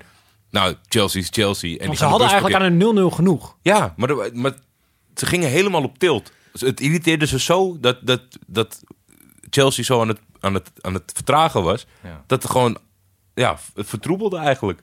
Ik moest wel zeggen, eh, het stukje was nog opgetekend wat, eh wat Rodgers in de rust had gezegd. Naar aanleiding van, eh, van de slip van eh Gerrard. Dat vond, ik wel, dat vond ik goed gesproken. Het pakte niet zo uit. Het grootste probleem was dat Gerrard vooral zelf het foutje wilde herstellen die wedstrijd.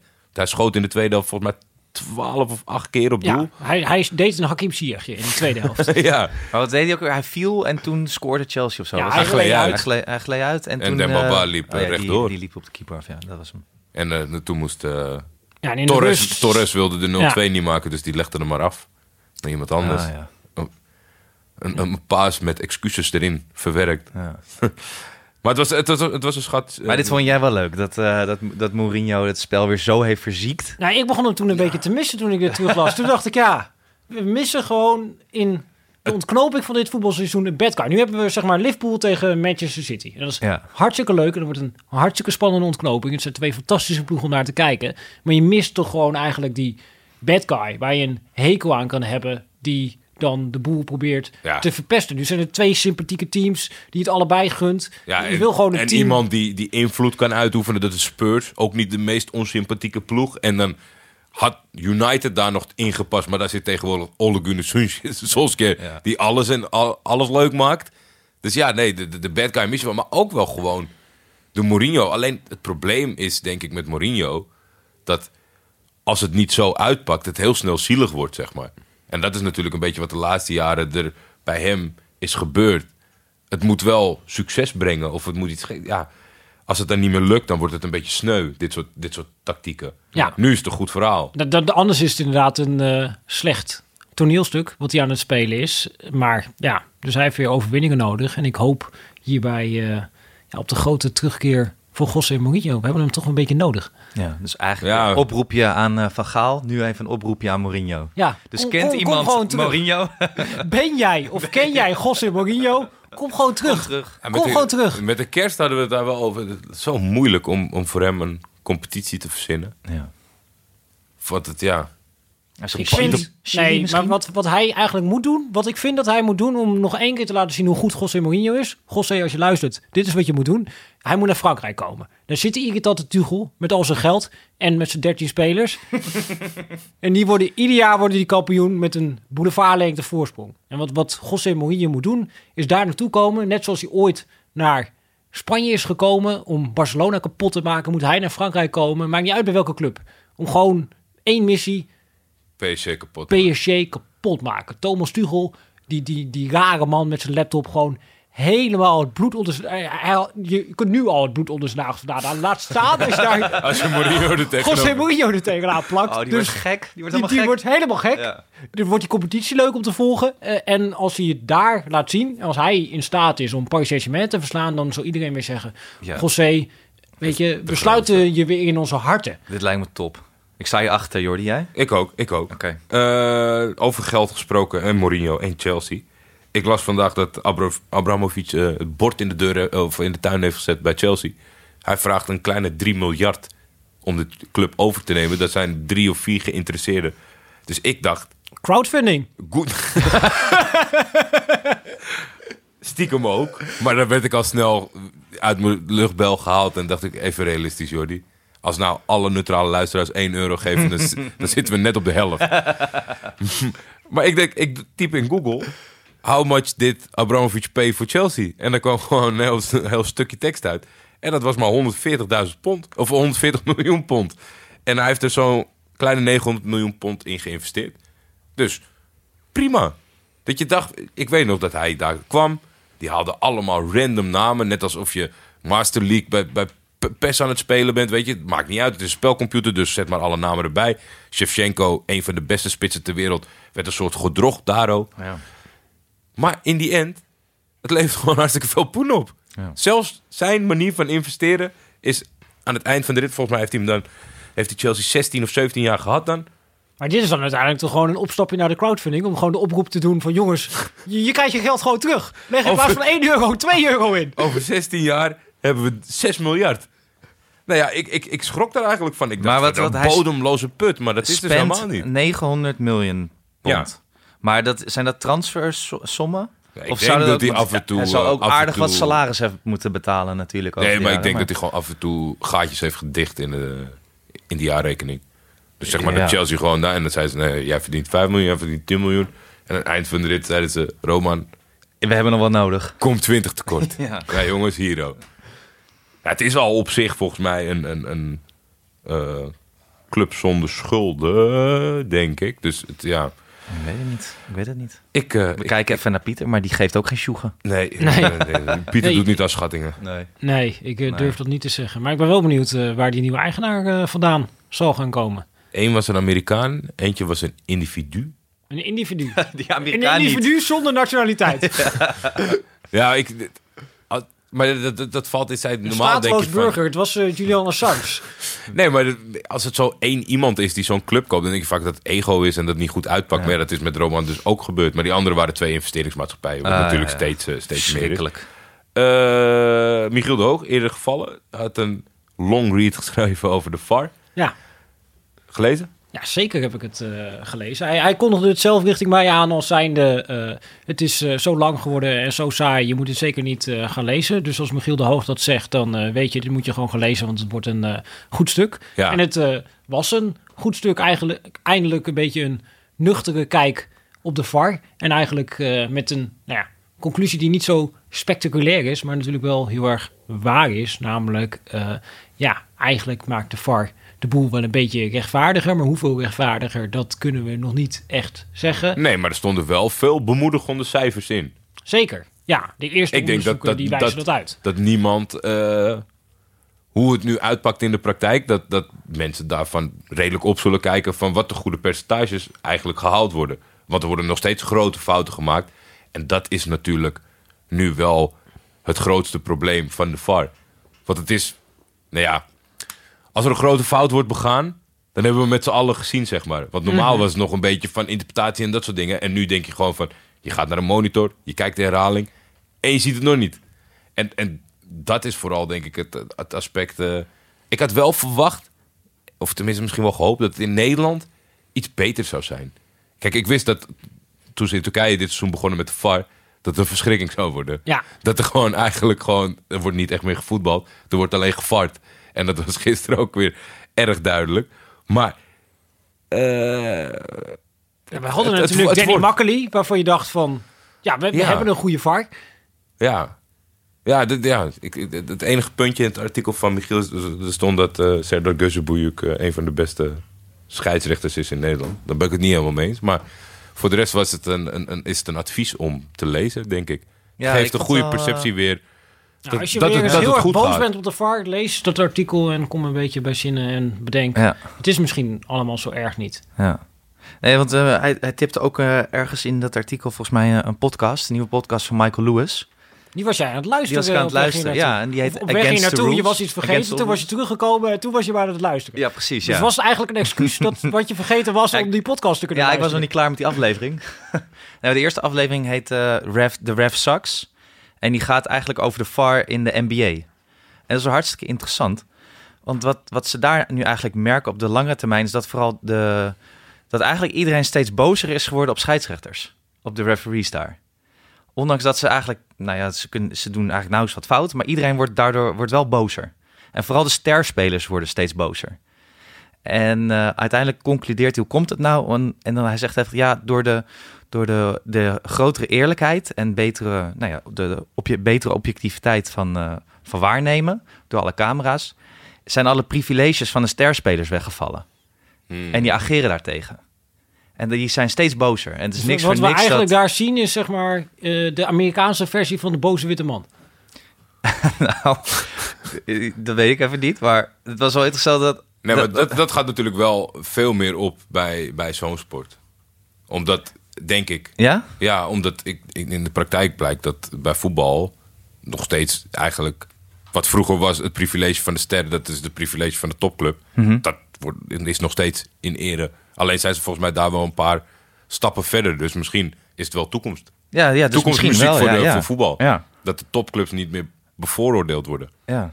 Dat, Ik ben ja, wel benieuwd dus wat er dan toch? gaat gebeuren met Mark Verboem. Want hij staat nu natuurlijk iedere keer met de vierde man. Maar misschien Ja. als hij dan op een gegeven moment daar zijn privilege... dat, dat, ja, dat hij dat dreigt te verliezen. Dat hij misschien dat hij niet meer in de dugout gaat zitten. Maar dat hij gewoon in dat varbusje gaat zitten. Om consequent ja, zo'n arm om de heen... toch even uit te leggen ja, wat hij goed of niet goed doet. Maar dat dit weekend dat Luc de Jong daar tijdens die penalty werd uitgekleed door die verdediger van de graafschap tijdens die nee, sorry tijdens corner.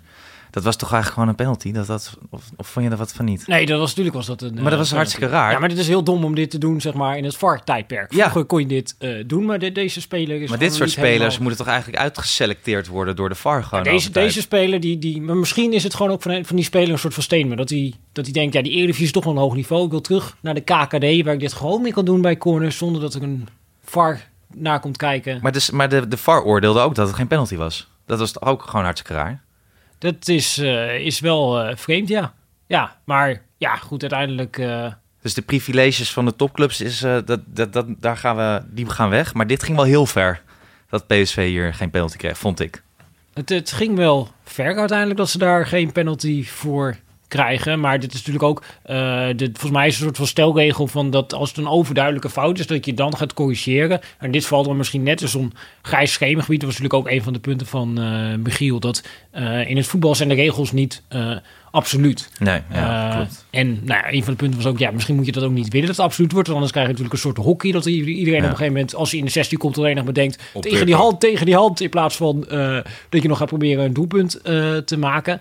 Eh, en daardoor ja, houd je toch een grijs gebied waar discussie in kan ontstaan. Ja. En deze ja, viel denk ik nog net binnen het grijze gebied. Ja, want er gaat dus een. Als, ja, er zou een raar effect kunnen optreden dus door de VAR. Dat uiteindelijk het allemaal eerlijker wordt, maar mensen steeds bozer.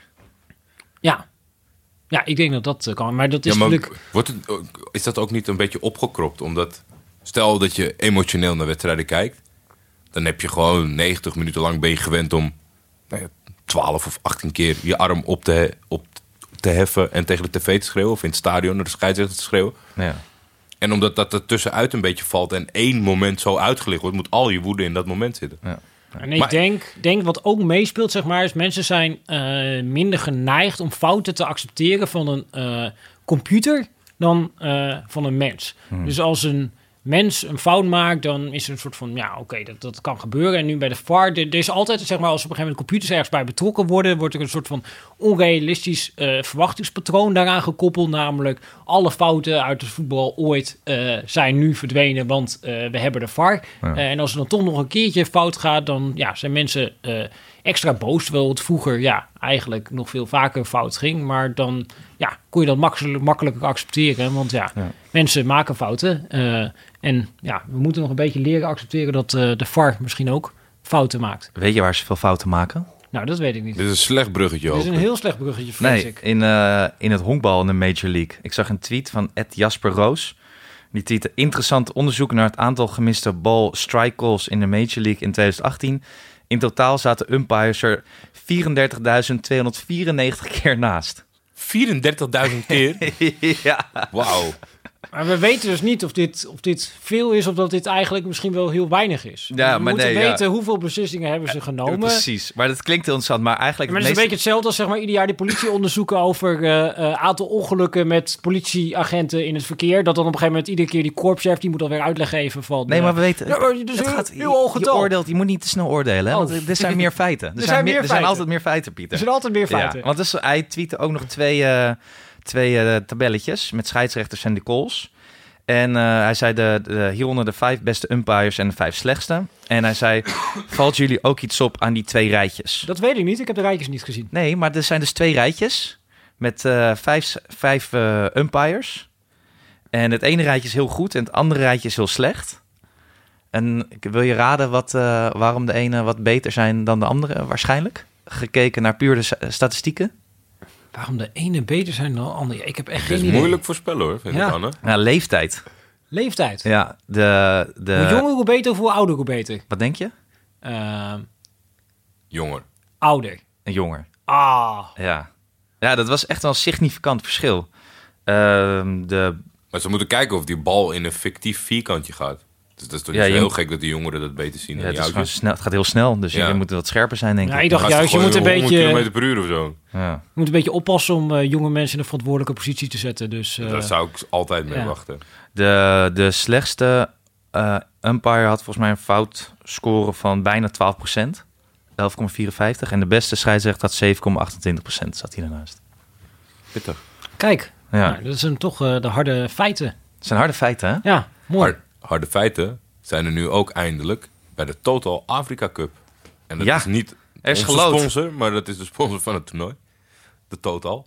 Eh, er is, wat is het? Vrijdag, denk ik. Ja, vrijdag is er volgens mij geloot. Ja, de pools zijn bekend. mooie sterrenensemble die daarvoor eh, was opgetrommeld. Yaya Touré, El Hadji Diouf, Mustafa Hadji. En er zijn zes pools. En jij bent ervoor gaan zitten, toch? Ik ben daar wel voor gaan zitten, ja. Ik heb het. eh, ik, ik heb. Ik had twee schermen op. Ik weet niet meer wat er op die andere was. Weet ik ook niet meer. Maar ik, ik, ik moest twee dingen tegelijk volgen. Maar dit duurde heel lang. Want er was eerst eh, was een man en een vrouw in een open bus. die naar de plaats reed met de beker. Van punt A naar B. Maar dat, dat, dat, dat was gigantisch. Volgens mij moesten ze langs alle piramides. Oh, het was van eh, Zuid-Afrika naar, Nee, het was- naar Marokko. echt niet normaal. Want het, het, nou, ik kreeg eh, alert, eh, we gaan live, we gaan live, dus zet hem aan. En toen dacht ik, ik heb echt, echt serieus dat je gewoon drie, vier keer hebt aangeklikt van het zit mijn scherm vast. Want dan zag ik nog steeds eh, die jongen met die beker op die bus met zo'n eh, eh, een politie, eh, politie eh, eromheen. Maar dat duurde enorm lang. En nu weet je een beetje hoe het voelt om naar wielrennen te kijken. Dat je eindeloos naar eh, mensen die ergens naartoe moeten zitten te kijken. Denkt, zijn ze er al? En dat is toch blij, want ik, volgens mij zijn mensen daar kritisch op. Maar het is toch fijn dat ze af en toe een kasteel laten zien. Weer die fietsers. Eh, Hey, dat dus met wielrennen ook, hè? In de Tour. Ja. Eindeloos veel kastelen. Oh, dat bedoel ja, dat, Dat bedoel bedoel ik. Dat is een fijne onderbreking van Maar alleen jij maar naar de piramides, zei je. Ja, Dat is ook hartstikke Nee, leuk. hij, hij hoopte op piramides, maar die kwamen Oh, maar die niet. heb ik niet gezien. Ik heb alleen maar die mensen met die bekers zo, die naar niet bestaand publiek aan het zwaaien waren. Want ik dacht Nee, eerst, die, dus de regie moet nog een beetje voorbeeld ja, aan de Tour maar wat nemen de regie van ja. de Afrika Cup kan leren van de Tour de France. Ik zou lezen. eh, maar toch allemaal wel pittige groepjes. Ja, Vinden jullie niet? ja. Als Enorm. ik er eens één opnoem, Egypte, Congo, Democratische Republiek Congo, sorry, Oeganda en Zimbabwe. Daar zou je denken Egypte en Congo favorieten. Maar Oeganda, sterke ploeg. Spelen combinatievoetbal, traditioneel. Eh, groep B, daar gaan verrassingen ontstaan. Want dat is Nigeria, Guinea, Madagaskar en Burundi. En Madagaskar eh, is voor mij nog een groot raadsel. Maar ik heb net eh, toegezegd gekregen dat ik een paar wedstrijden mag terugkijken met Piet's account. Dus ik ga me helemaal inlezen in Madagaskar. Eh, en iedereen had het al vrij snel over de pool des doods. Groep en dat D. was eh, groep D. Marokko, Ivoorkust, Zuid-Afrika en Namibië.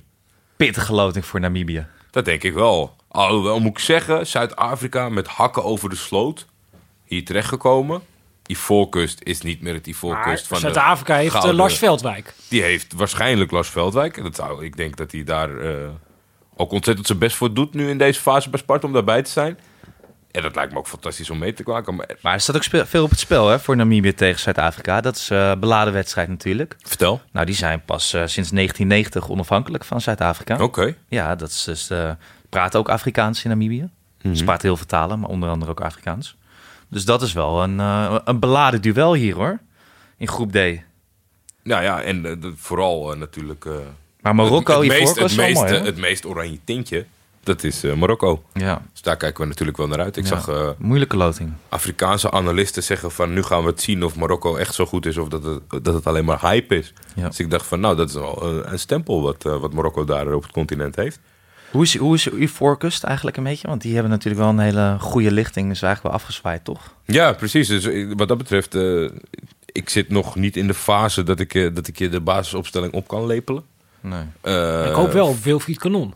Dat, eh, dat, die kans is wel aanwezig. De laatste, de laatste paar wedstrijden telkens opgeroepen geweest. Maar daar zitten, daar zitten wat eh, nieuwe jongens bij. Volgens mij, eh hoe heet het er voor hun gekozen, toch? Zaha. Die Oh, doet ja. daar al een tijdje mee. Dat is Ja. natuurlijk een, wel een, een, een mooie voetballer om naar te kijken. Staat het toernooi in je agenda? De Afrika Cup?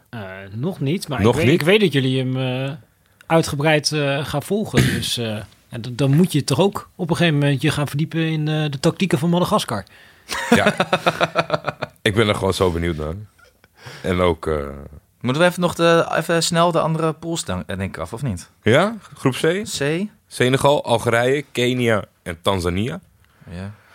Eh, groep E is Tunesië, Mali, Mauritanië, Angola. Groep F tot slot Cameroen, Ghana, Benin en Guinea-Bissau. En dat is denk ik ook wel een beetje het ding van dit toernooi. Er werd mij gevraagd van de week, eh, noem eens een outsider. Maar er zijn zoveel voor mij kanshebbers op de titel. Ja? Dat, dat, dat outsiderschap wordt wel heel lastig. Omdat ja, toch wel bij een WK of een EK... dan heb je twee grote favorieten. Twee kanshebbers. En dan misschien nog twee outsiders. Maar ik denk... in alle pools... op misschien één na... nou ja, E en B na... dus op, op, op, in vier van de zes pools zitten wel twee kanshebbers... voor de eindstrijd. Ja. In mijn optiek. Nou ben ik niet natuurlijk eh, de meeste ingelezen qua Afrika Cup. Maar dat is wat wij voorbij hebben zien komen in de kwalificatiereeks. En de reputatie natuurlijk eh, in het verleden. Maar Egypte in eigen land. Ja, dat is toch wel Dat een is natuurlijk. eh, favoriet, ja, toch? precies. Dat Ja. is ook eh, de recordmeister van, Ja. eh, van de Afrika Cup. Dus eh, ik denk dat de druk bij de Egyptenaren ligt. Misschien toch wel eh, een makkelijke pool. Makkelijke pool voor Nou, als Egypte? je, die zou, dat had heel veel slechter gekund in elk geval. dat, dat is zeker waar. Ja. Ga En die zijn blij dat... eh, Ik denk dat Egypte een goede loting heeft Warme gehad. balletjes? Ja, dat denk ik wel. ja, Ja. zo. Oh. Vind, vind ik nog wel. Ja, statement. statement. ja nee, ja, je moet, moet even een statement maken hier. Ja, en dan ga je weer weg en Ja. weken niet te horen. En dan hebben wij dat stempel meegegeven. Nou, Het is geen België. Ik ga wel juichen voor Namibië trouwens op dit toernooi. Ik heb ook een shirtje. ja. Ik wil graag ingevlogen worden als Namibië. Ik ga me voorbereiden. Ik zag het shirt van Cameroen. En dan moet je misschien eh, met een al te lichte huidkleur, als ik zelf heb, niet dragen. Maar het is fantastisch. Dat is mooi, hè? Ja. Het is echt fantastisch. Kunstwerk van Nike. Eh, ja, verder nog wat stoms. Die heb ik eigenlijk een beetje voor mezelf geclaimd. Want het is een heel persoonlijk stom bericht. En dat is het feit dat Galatasaray het gisteren toch niet gelukt is om verder te verslaan. En dat de reeks blijft staan. Van 20 jaar niet winnen daar. Ja, nu vragen we me toch af, hoe kan dat? Je speelt tegen een degradatiekandidaat... die Ja. het hele seizoen nog niet in staat zijn gebleken... om een bal van A naar B te spelen. Klopt. Die, die 17 verschillende Nederlandse trainers gehad hebben... die Klopt. er allemaal geen voetbal in hebben weten te krijgen. Dan mag je daar tegen spelen. En denk je, nou, Voor de titel. voor De eigenlijk... dag daarvoor heeft Besiktas eh, de sportieve plicht gedaan door van Başakşehir te winnen. Het gat kon drie worden en je kon de titel in eigen hand hebben. Ja, du- dus er kan eigenlijk niks fout gaan. En toen? Nou, dan Pieter, dan, dan, dan ken je dit duel niet. Op het moment dat het in het stadion van Fenerbahce Misten jullie. Gary Mendes Rodriguez? Zeker. Ik denk, ik denk uiteindelijk wel dat we Gary missen. Ik, ik Het was wel een beetje dubbelop met Onyekuru samen. Maar Gary was de betere daarvan. En die, die, die... Maar het is... Nou sta ik open voor veel dingen en lees ik het en vind ik het interessant en, en dat soort zaken. Alleen ben je zelf niet zo onderlegd in het hele psychologische aspect. Alleen dit duel, dat kan niet anders zijn dan dat het nee, 99,9, maar 100% mentaal is. Want de situatie schets je cor- correct. Er was geen beter moment ooit, denk ik, om dit duel te spelen. En toch lukt het niet. Ze komen 0-1 voor. En ja, of het, of het, of het, eh, of het een vloek is of, of, of, of wat het ook mogen zijn. Uit, uit, uit de positie. Ze speelden vanaf de 20e minuut met 10 man. Hè? Verder dat rood ook nog eens. En toch lukt het ze om de 1-1 te maken. En daarna klapt Galla helemaal dicht. Maar het is echt 20 jaar al dit. 1999. Kan je is dat herinneren ook nog? Ik kan het wel herinneren, ja. Maar er zijn eh, kinderen van eh 19 jaar die eh, ze nooit Je, hebben je hebt zelf kinderen die het nooit hebben meegemaakt. Nou, dat was, dat was eigenlijk, ja, dan, je belandt langzaam wel in die fase. Dat je maar gaat een week lang zeggen van, nou, misschien is Fik wel het wonder. dat, dat dat dan de factor kan zijn, dat misschien dat de ommekeer kan verzorgen. Hartstikke teleurgesteld in je eigen kind eigenlijk. Nee, ja, stiekem een beetje, maar niet te lang heb ik niet te lang eh, aangehouden. Eh, ja, dat vond ik stom. Het was misschien niet heel stom voor iedereen. Het is normaal een iets diepere... Nee, ik vind het stom voor jou. Ja, nou, en we hadden het er net jou. over. Hoe gaat het met Ferdi Cardioglu? Eh, goede vraag. Ken jij of ben jij Ferdi Cardiolo? Oproepje. Derde oproep. Laat het maar even weten. Nee. Eh, Maar hij komt nu wel in een goed rijtje. Ik bedoel, we hebben oproepjes gedaan aan Louis van Gaal, José Mourinho en dus aan Ferdi Cardioglu. ik, eh, ik, ik hoop van ganse harte dat een, een Nederlandse club zijn best doet om hem aankomend seizoen eh, te huren. Want dat gaat in Turkije alleen maar van kwaad tot erger, ben ik bang. Misschien wordt- Nou, Klaas Wels. hey, Prikkie. De, de nummer 10 van Venner. Ik denk dat eh, Pieter hem naar Volendam gaat halen. Eh, nou, nou, We kunnen in dit stadium niks uitsluiten. Ferdi, als je geïnteresseerd bent, neem gewoon contact op.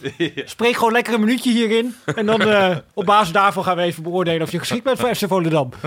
Eh, de wedstrijd van volgende week, die eh, kiezen wij niet meer vooraf. Eh, alleen denk ik dat we hier het, eh, zitten we bij het vierde oproepje. Ik wil graag eh, de complimenten geven aan eh, Michiel Jongsma. Die heeft de afgelopen twee wedstrijden gekozen voor mij. Voor ons. Die kwam met Flyer Alarm versus Cashpoint. Toen dacht ik van, nou ja, waarom zelf zoeken als iemand het blijkbaar veel beter kan. En die kwam met een mooi rijtje. Met, want er zaten ook nog wat andere alternatieven aan. Die volgens mij ook allemaal redelijk zijn uitgepakt. Dus bij deze, Michiel Jongsma, als jij, als jij het zou willen...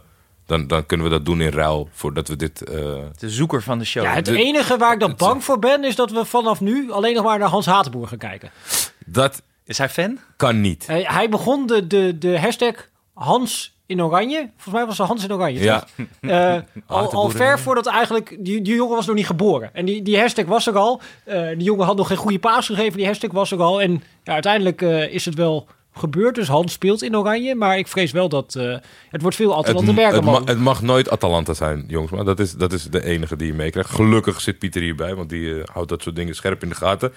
Maar eh, dan dopen we het rubriekje om. dan word jij de naamgever ervan. Dus laat me weten maar of je dat leuk vindt. De Michiel Jongsma wedstrijd van de week. Ja, dan is het net alsof, alsof dat een is, lokale ja. verslager is. Michiel Jongs was stijgebouw. Eh, dat was hem dan voor nu. Ja. Neutrale kijkers. Ontzettend lange uitzending weer. Ja, ik denk Anne zit hierbij. Die gaat een beetje op de tijd letten. Maar gewoon helemaal niks. Ah, nee, je bent er hartstikke, zelf bij. Hartstikke leuk. Jawel? Ja, Gelukkig. Ja. Ik, zal ik, nu- moet ik het riedeltje gaan doen zoals Peter dat altijd doet. Dat kan Ja. goed, hè? Ja, hij, hij heeft hij heeft zo'n toontje. Ik kan dat toontje nooit aanslaan. Ik ga het proberen. Voor nu was dit Neutrale Kijkers. In samenwerking met Dag en Nacht Media. Veel dank aan Auto.nl en VI Pro. Aan Peter Buurman voor zijn diepteanalyse van de vakantievloer. Aan Barry Pirofano voor de schitterende illustratie. Een lucht heeft die gozer. Je bent er nog niet. Ik ben een roker, hè? Laurens Collet voor de Gegenpressing jingle en Studio Cloak en Leon Lischner en Friends voor de muziek. Aan de makers van de voetbalquiz en aan de luisteraars die wat instuurden voor deze aflevering. Stuur ook wat in, dat kan, naar neutralekijkers.gmail.com. Gewoon een leuk bericht naar mij of Jordi op Twitter. Of laat bijvoorbeeld een recensie achter in je podcast app. Volgende week zijn we er weer. Tot ziens, Peter. Peter? Ja, weer hè? Het is zo, maar ik, Tot ziens, Pieter. En Anne. Dus ik kan niet zeggen tot volgende week. Ik neem niet, of komen jullie terug? Ik ben wel benieuwd naar die nootjes. Ik denk dat ik het volgende week bij een minuut hou. Het is lang dit, hè? Dat is heel lang. Ja. Man, Hartstikke bedankt, jongens. Tot ziens, Jordi en Pieter. tot ziens, Anne en Jordi. Tot ziens. Pieter. Sa. Ik had jou nog wat toegezegd, hè? Je had me Dit wel is, dit, toegezegd. is, dit, is, dit is het blokje van de diehards. Dus hier kunnen we gewoon vrij uit met de mensen Hier kunnen we praten. vrij met Hier is elkaar het muziekje praten. al afgelopen. Eh, ik ben een draadje begonnen. Op Twitter, al heel lang geleden. Dat ik een boek lees. Alleen heb ik nu de laatste twee, bijna drie boeken... heb ik nog niet gerecenseerd. Dat moet ik nog doen. Eh, maar dat had ik even achter de hand nodig... om Pieter eh, wat dingen te laten uitvoeren. Maar ik denk dat ik het eigenlijk ook wel even hier... eh, ja, kan het, we, hoeven niet meer, we hoeven geen verkooppraatje meer te houden, Pieter. Want dat hebben we zomerlang gedaan. Ja, plus dit boek heeft verloren van de hand van Vergaal. het dus als je een boek wil twee, lezen, lees de hand van Vergaal. Niet, niet zo'n tweede, tweede keus eh, boek. Ik heb hem nu, ik heb, ik heb die van Hugo heb ik ook een beetje zo voor in mijn boekenkast gezet. Dat, ik niet, dat mensen niet zien dat ik die van jou je wilde gewoon niet mee geassocieerd worden met dit hele boek. Ik bedoel, het val van Oranje gaat hartstikke goed met Oranje. Nee, ja, ik, ik vond het. eh, ik ben er redelijk snel doorheen gegaan. Ik denk dat ik. Ik, ik heb een pasgeboren baby, hè, dus dat is knap. Dus dan heb je het gewoon goed en goed, eh, goed opgeschreven. Vermakelijk opgeschreven. En toch wel het meest, want ge- toevallig precies toen ik het aan het lezen was, kwam weer zo'n dom citaat van Wim Kieft naar buiten. Dat kan ik me niet voorstellen. over het wetenschappelijke gelul van Pieter Zwart. En dan denk ik echt. Het grootste probleem voor mij was tijdens het lezen dat ik moest denken aan alle mensen die met voetbal echt dagelijks te maken hebben, of de lijnen uitzetten of, of het beleid bepalen van Nederlands voetbal. Dat die dit goed opgeschreven, helder verhaal als wetenschappelijk behandelen of, of, of zien. Dat is, dat is vooral hetgene wat ik mij, mij afvraag. Want het is. eh, soms heb je eye-openers nodig. Maar het is geen hogere wiskunde. En het is vrij, vrij logisch eigenlijk allemaal. Het is allemaal heel logisch en simpel, zo simpel mogelijk. Ja. Heb je het eigenlijk eh, gemaakt. En dan krijg je inderdaad de stempel wetenschappelijk. En dan vraag je inderdaad af, wat Ja. zegt dit over een wereld... dat ze iets wat super simpel is bestempelen als wetenschappelijk? Ja, ja, dat, en dat, dat, is dan, dat viel nu allemaal qua timing allemaal een beetje bij elkaar. En eh, ik kan niet anders zeggen dan dat ik er ontzettend van genoten heb. En dat ik hoop dat iedereen met het schaamrood op de wang leest in Zeist. En dat, dat, er wat verbeteringen uit voortkomen. Heb je nog meer boekenplannen eigenlijk? Op dit moment niet. Hm. Nee. Nee. Het is ook een beetje lastig eh, te combineren nu, denk ik. Zo'n boek schrijven, dat valt toch tegen Ja. qua werk. Ja. Nou, Nee, laat dan maar even. Ik doe maar eerst die zoekfunctie dan bij, eh, bij VI. Dat, dat schijnt geregeld te gaan worden.